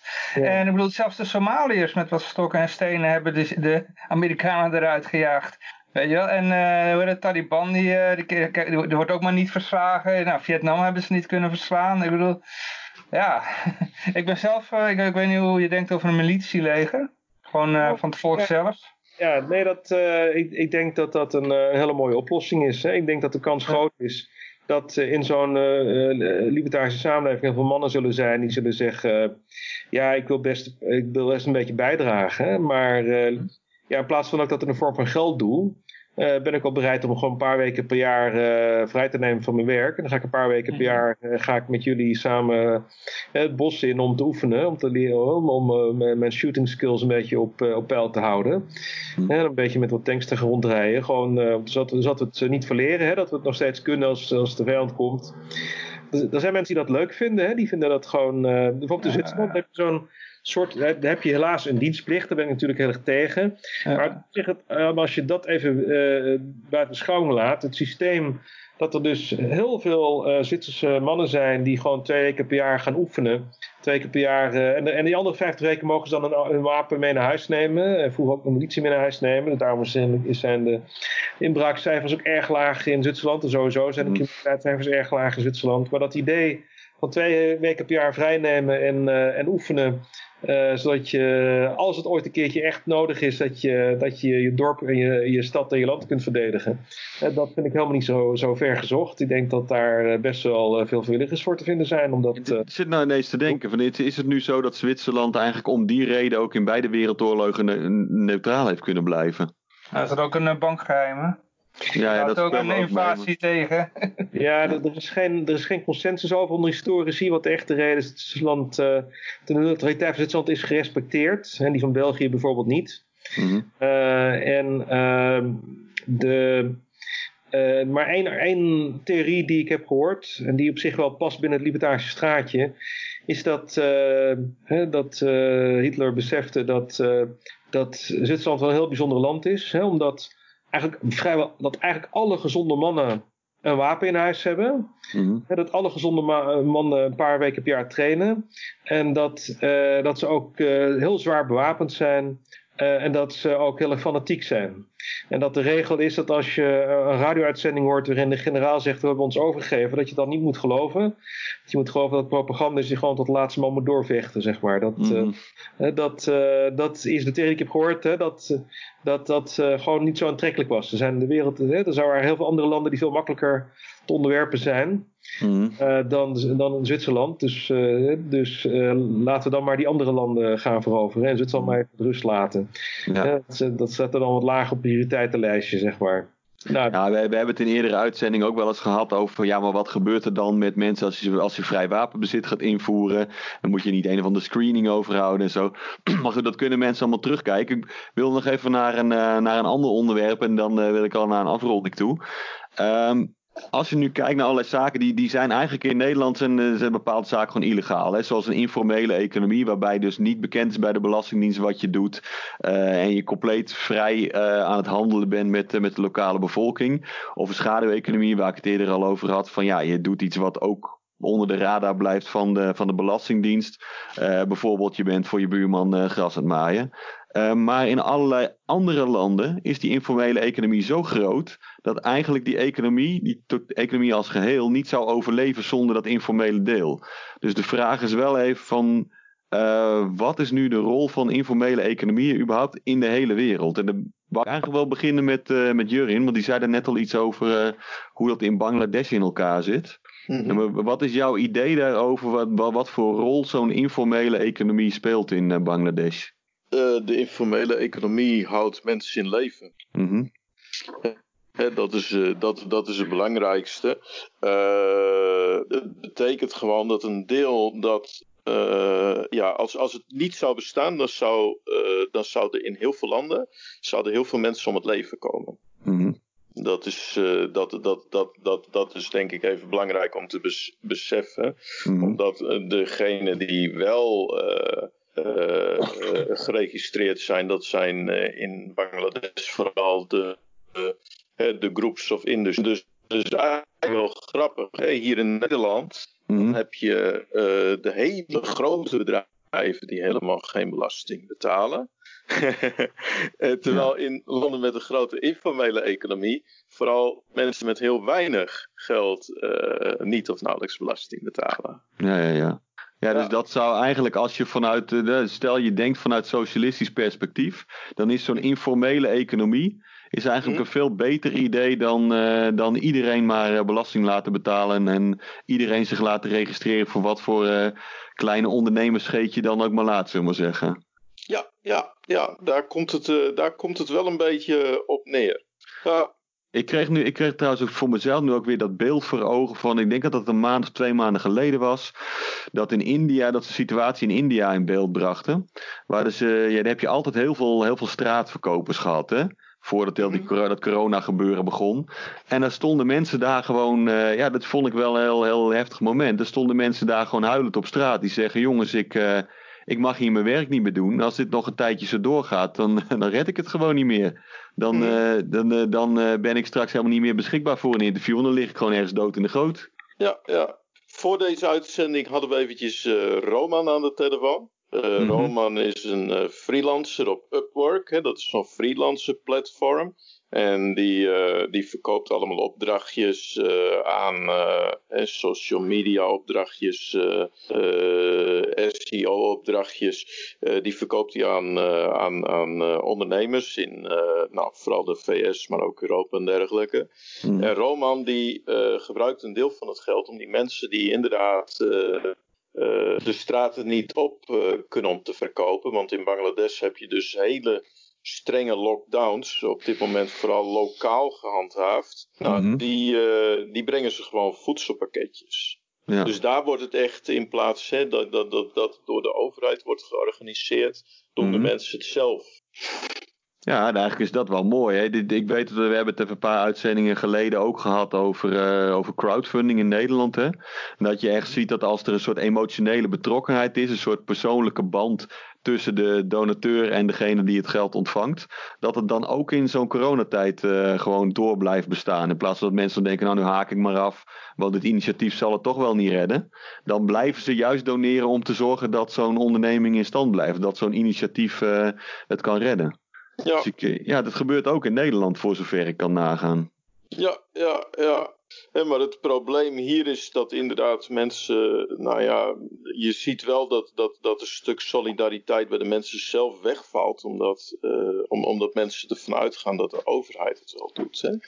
Dat, is, eh, dat is wel zo. Dus je ziet hier ook dat mensen worden opgeborgen in, in, in nursing homes. En als zo'n virus komt, ja, dat ook een flink deel van de populatie. Ik geloof dat er laatst zo'n zorginstelling was waar een derde van, van, van alle bewoners om het leven is eh, gekomen. Hè? Mhm. Ja, Ik zit nu even te denken, en misschien, ja, ik denk dat, dat jij daar een beeld van hebt, Twan, van eh, eh, hoe het in Nederland zit met, eh, eh, met het aandeel van, eh, dus, laten we zeggen, de zwarte economie, zwart geld dat er, dat er omgaat in de Nederlandse samenleving. En wat voor rol dat eigenlijk speelt in, eh, in de economie. Hier in Nederland. Nou ja, hier in Nederland heb je een aantal sectoren die niet eh, legaal zijn. Dus ik denk dat hier in Nederland dat je ook wel een, eh, een informele economie hebt. Mhm. Eh, ik denk dat daar een flink deel drugs in zit hier in Nederland. Mhm. Ja, omdat hier dat, dat, dat, dat met straatverkopers of mensen die, eh, die, die, die pure dingetjes doen die niet geregistreerd zijn. Ja, en Mhm. marktplaats natuurlijk. Hè. Marktplaats zit ook een hele hoop eh, eh, mensen zijn daarop actief. De gewone die niet, markt, eh, die niet, ja, met kraampjes. Ja, je hebt er le- letterlijk jarenlang, nou heb je nog steeds wel, maar dat noemde zich ook de Zwarte Markt. Hè? Dat is in Beverwijk. Nou ja, daar kon je, kan je nu nog steeds naartoe. Ik woon in Hemuiden, ik kan gewoon zo hier het kanaal over en dat is er gewoon. En ook allerlei overheden weten gewoon dat het er is, dus het is niet een of ander loesje gebeuren of zo. Maar ik er heb het gebeuren... gekocht en eh, ik heb Ja. het gekocht totdat de economische controledienst binnenkwam Ja, precies. Ja, ja, ja. Maar er gebeuren daar natuurlijk wel allerlei dingen die, eh, die onder de radar van de Belastingdienst zitten, weet je. En eh, ja, dan zullen ze natuurlijk wel ongetwijfeld een probleem mee hebben, maar ze komen daar ook niet continu handhaven of zo. Maar ik ben wel benieuwd, heb jij daar een beeld van, Twan, hoe, de, hoe, hoe die percentages liggen? Van wat voor deel van de Nederlandse economie eigenlijk buiten, buiten beeld blijft van de Belastingdienst? Ja, nou, ik zat ondertussen een beetje te googlen. Ik ken het Uh-huh. hoofd. Maar ik vind hier eh, het CBS eh, heeft eh, dat begroot. Opbrengst illegale activiteiten tussen het 15 CBS 4,8 miljard euro. Mhm. Op 2,9 miljard euro cannabis. Productiehandel cannabis. Dus dat is de allergrootste eh, eh, factor in, in die opbrengsten van illegale activiteiten. Eh, ja, en dan eh, hebben ze ook eh, opbrengsten informele economie. Ehm, onderhoud woningen 742 miljoen, werksters 1,26 miljard. Autoreparatie 157 miljoen, kappers 409 miljoen. De rest eh, 1,08 miljard, totaal 3,65 miljard. Het is toch apart dat ze dat dan op de een of andere manier wel in de tabel kunnen zetten. Hoe, hoe weten ze dat dan? Ja, dat zijn schattingen. Ja, maar ja, wij, wij, jij je vissen toch niet zo uit de lucht? Waar halen ze dat soort informatie dan vandaan? Ja. Of ze weet zitten er maar- zelf in.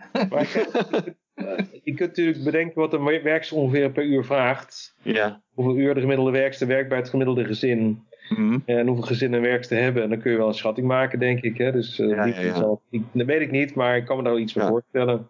ja.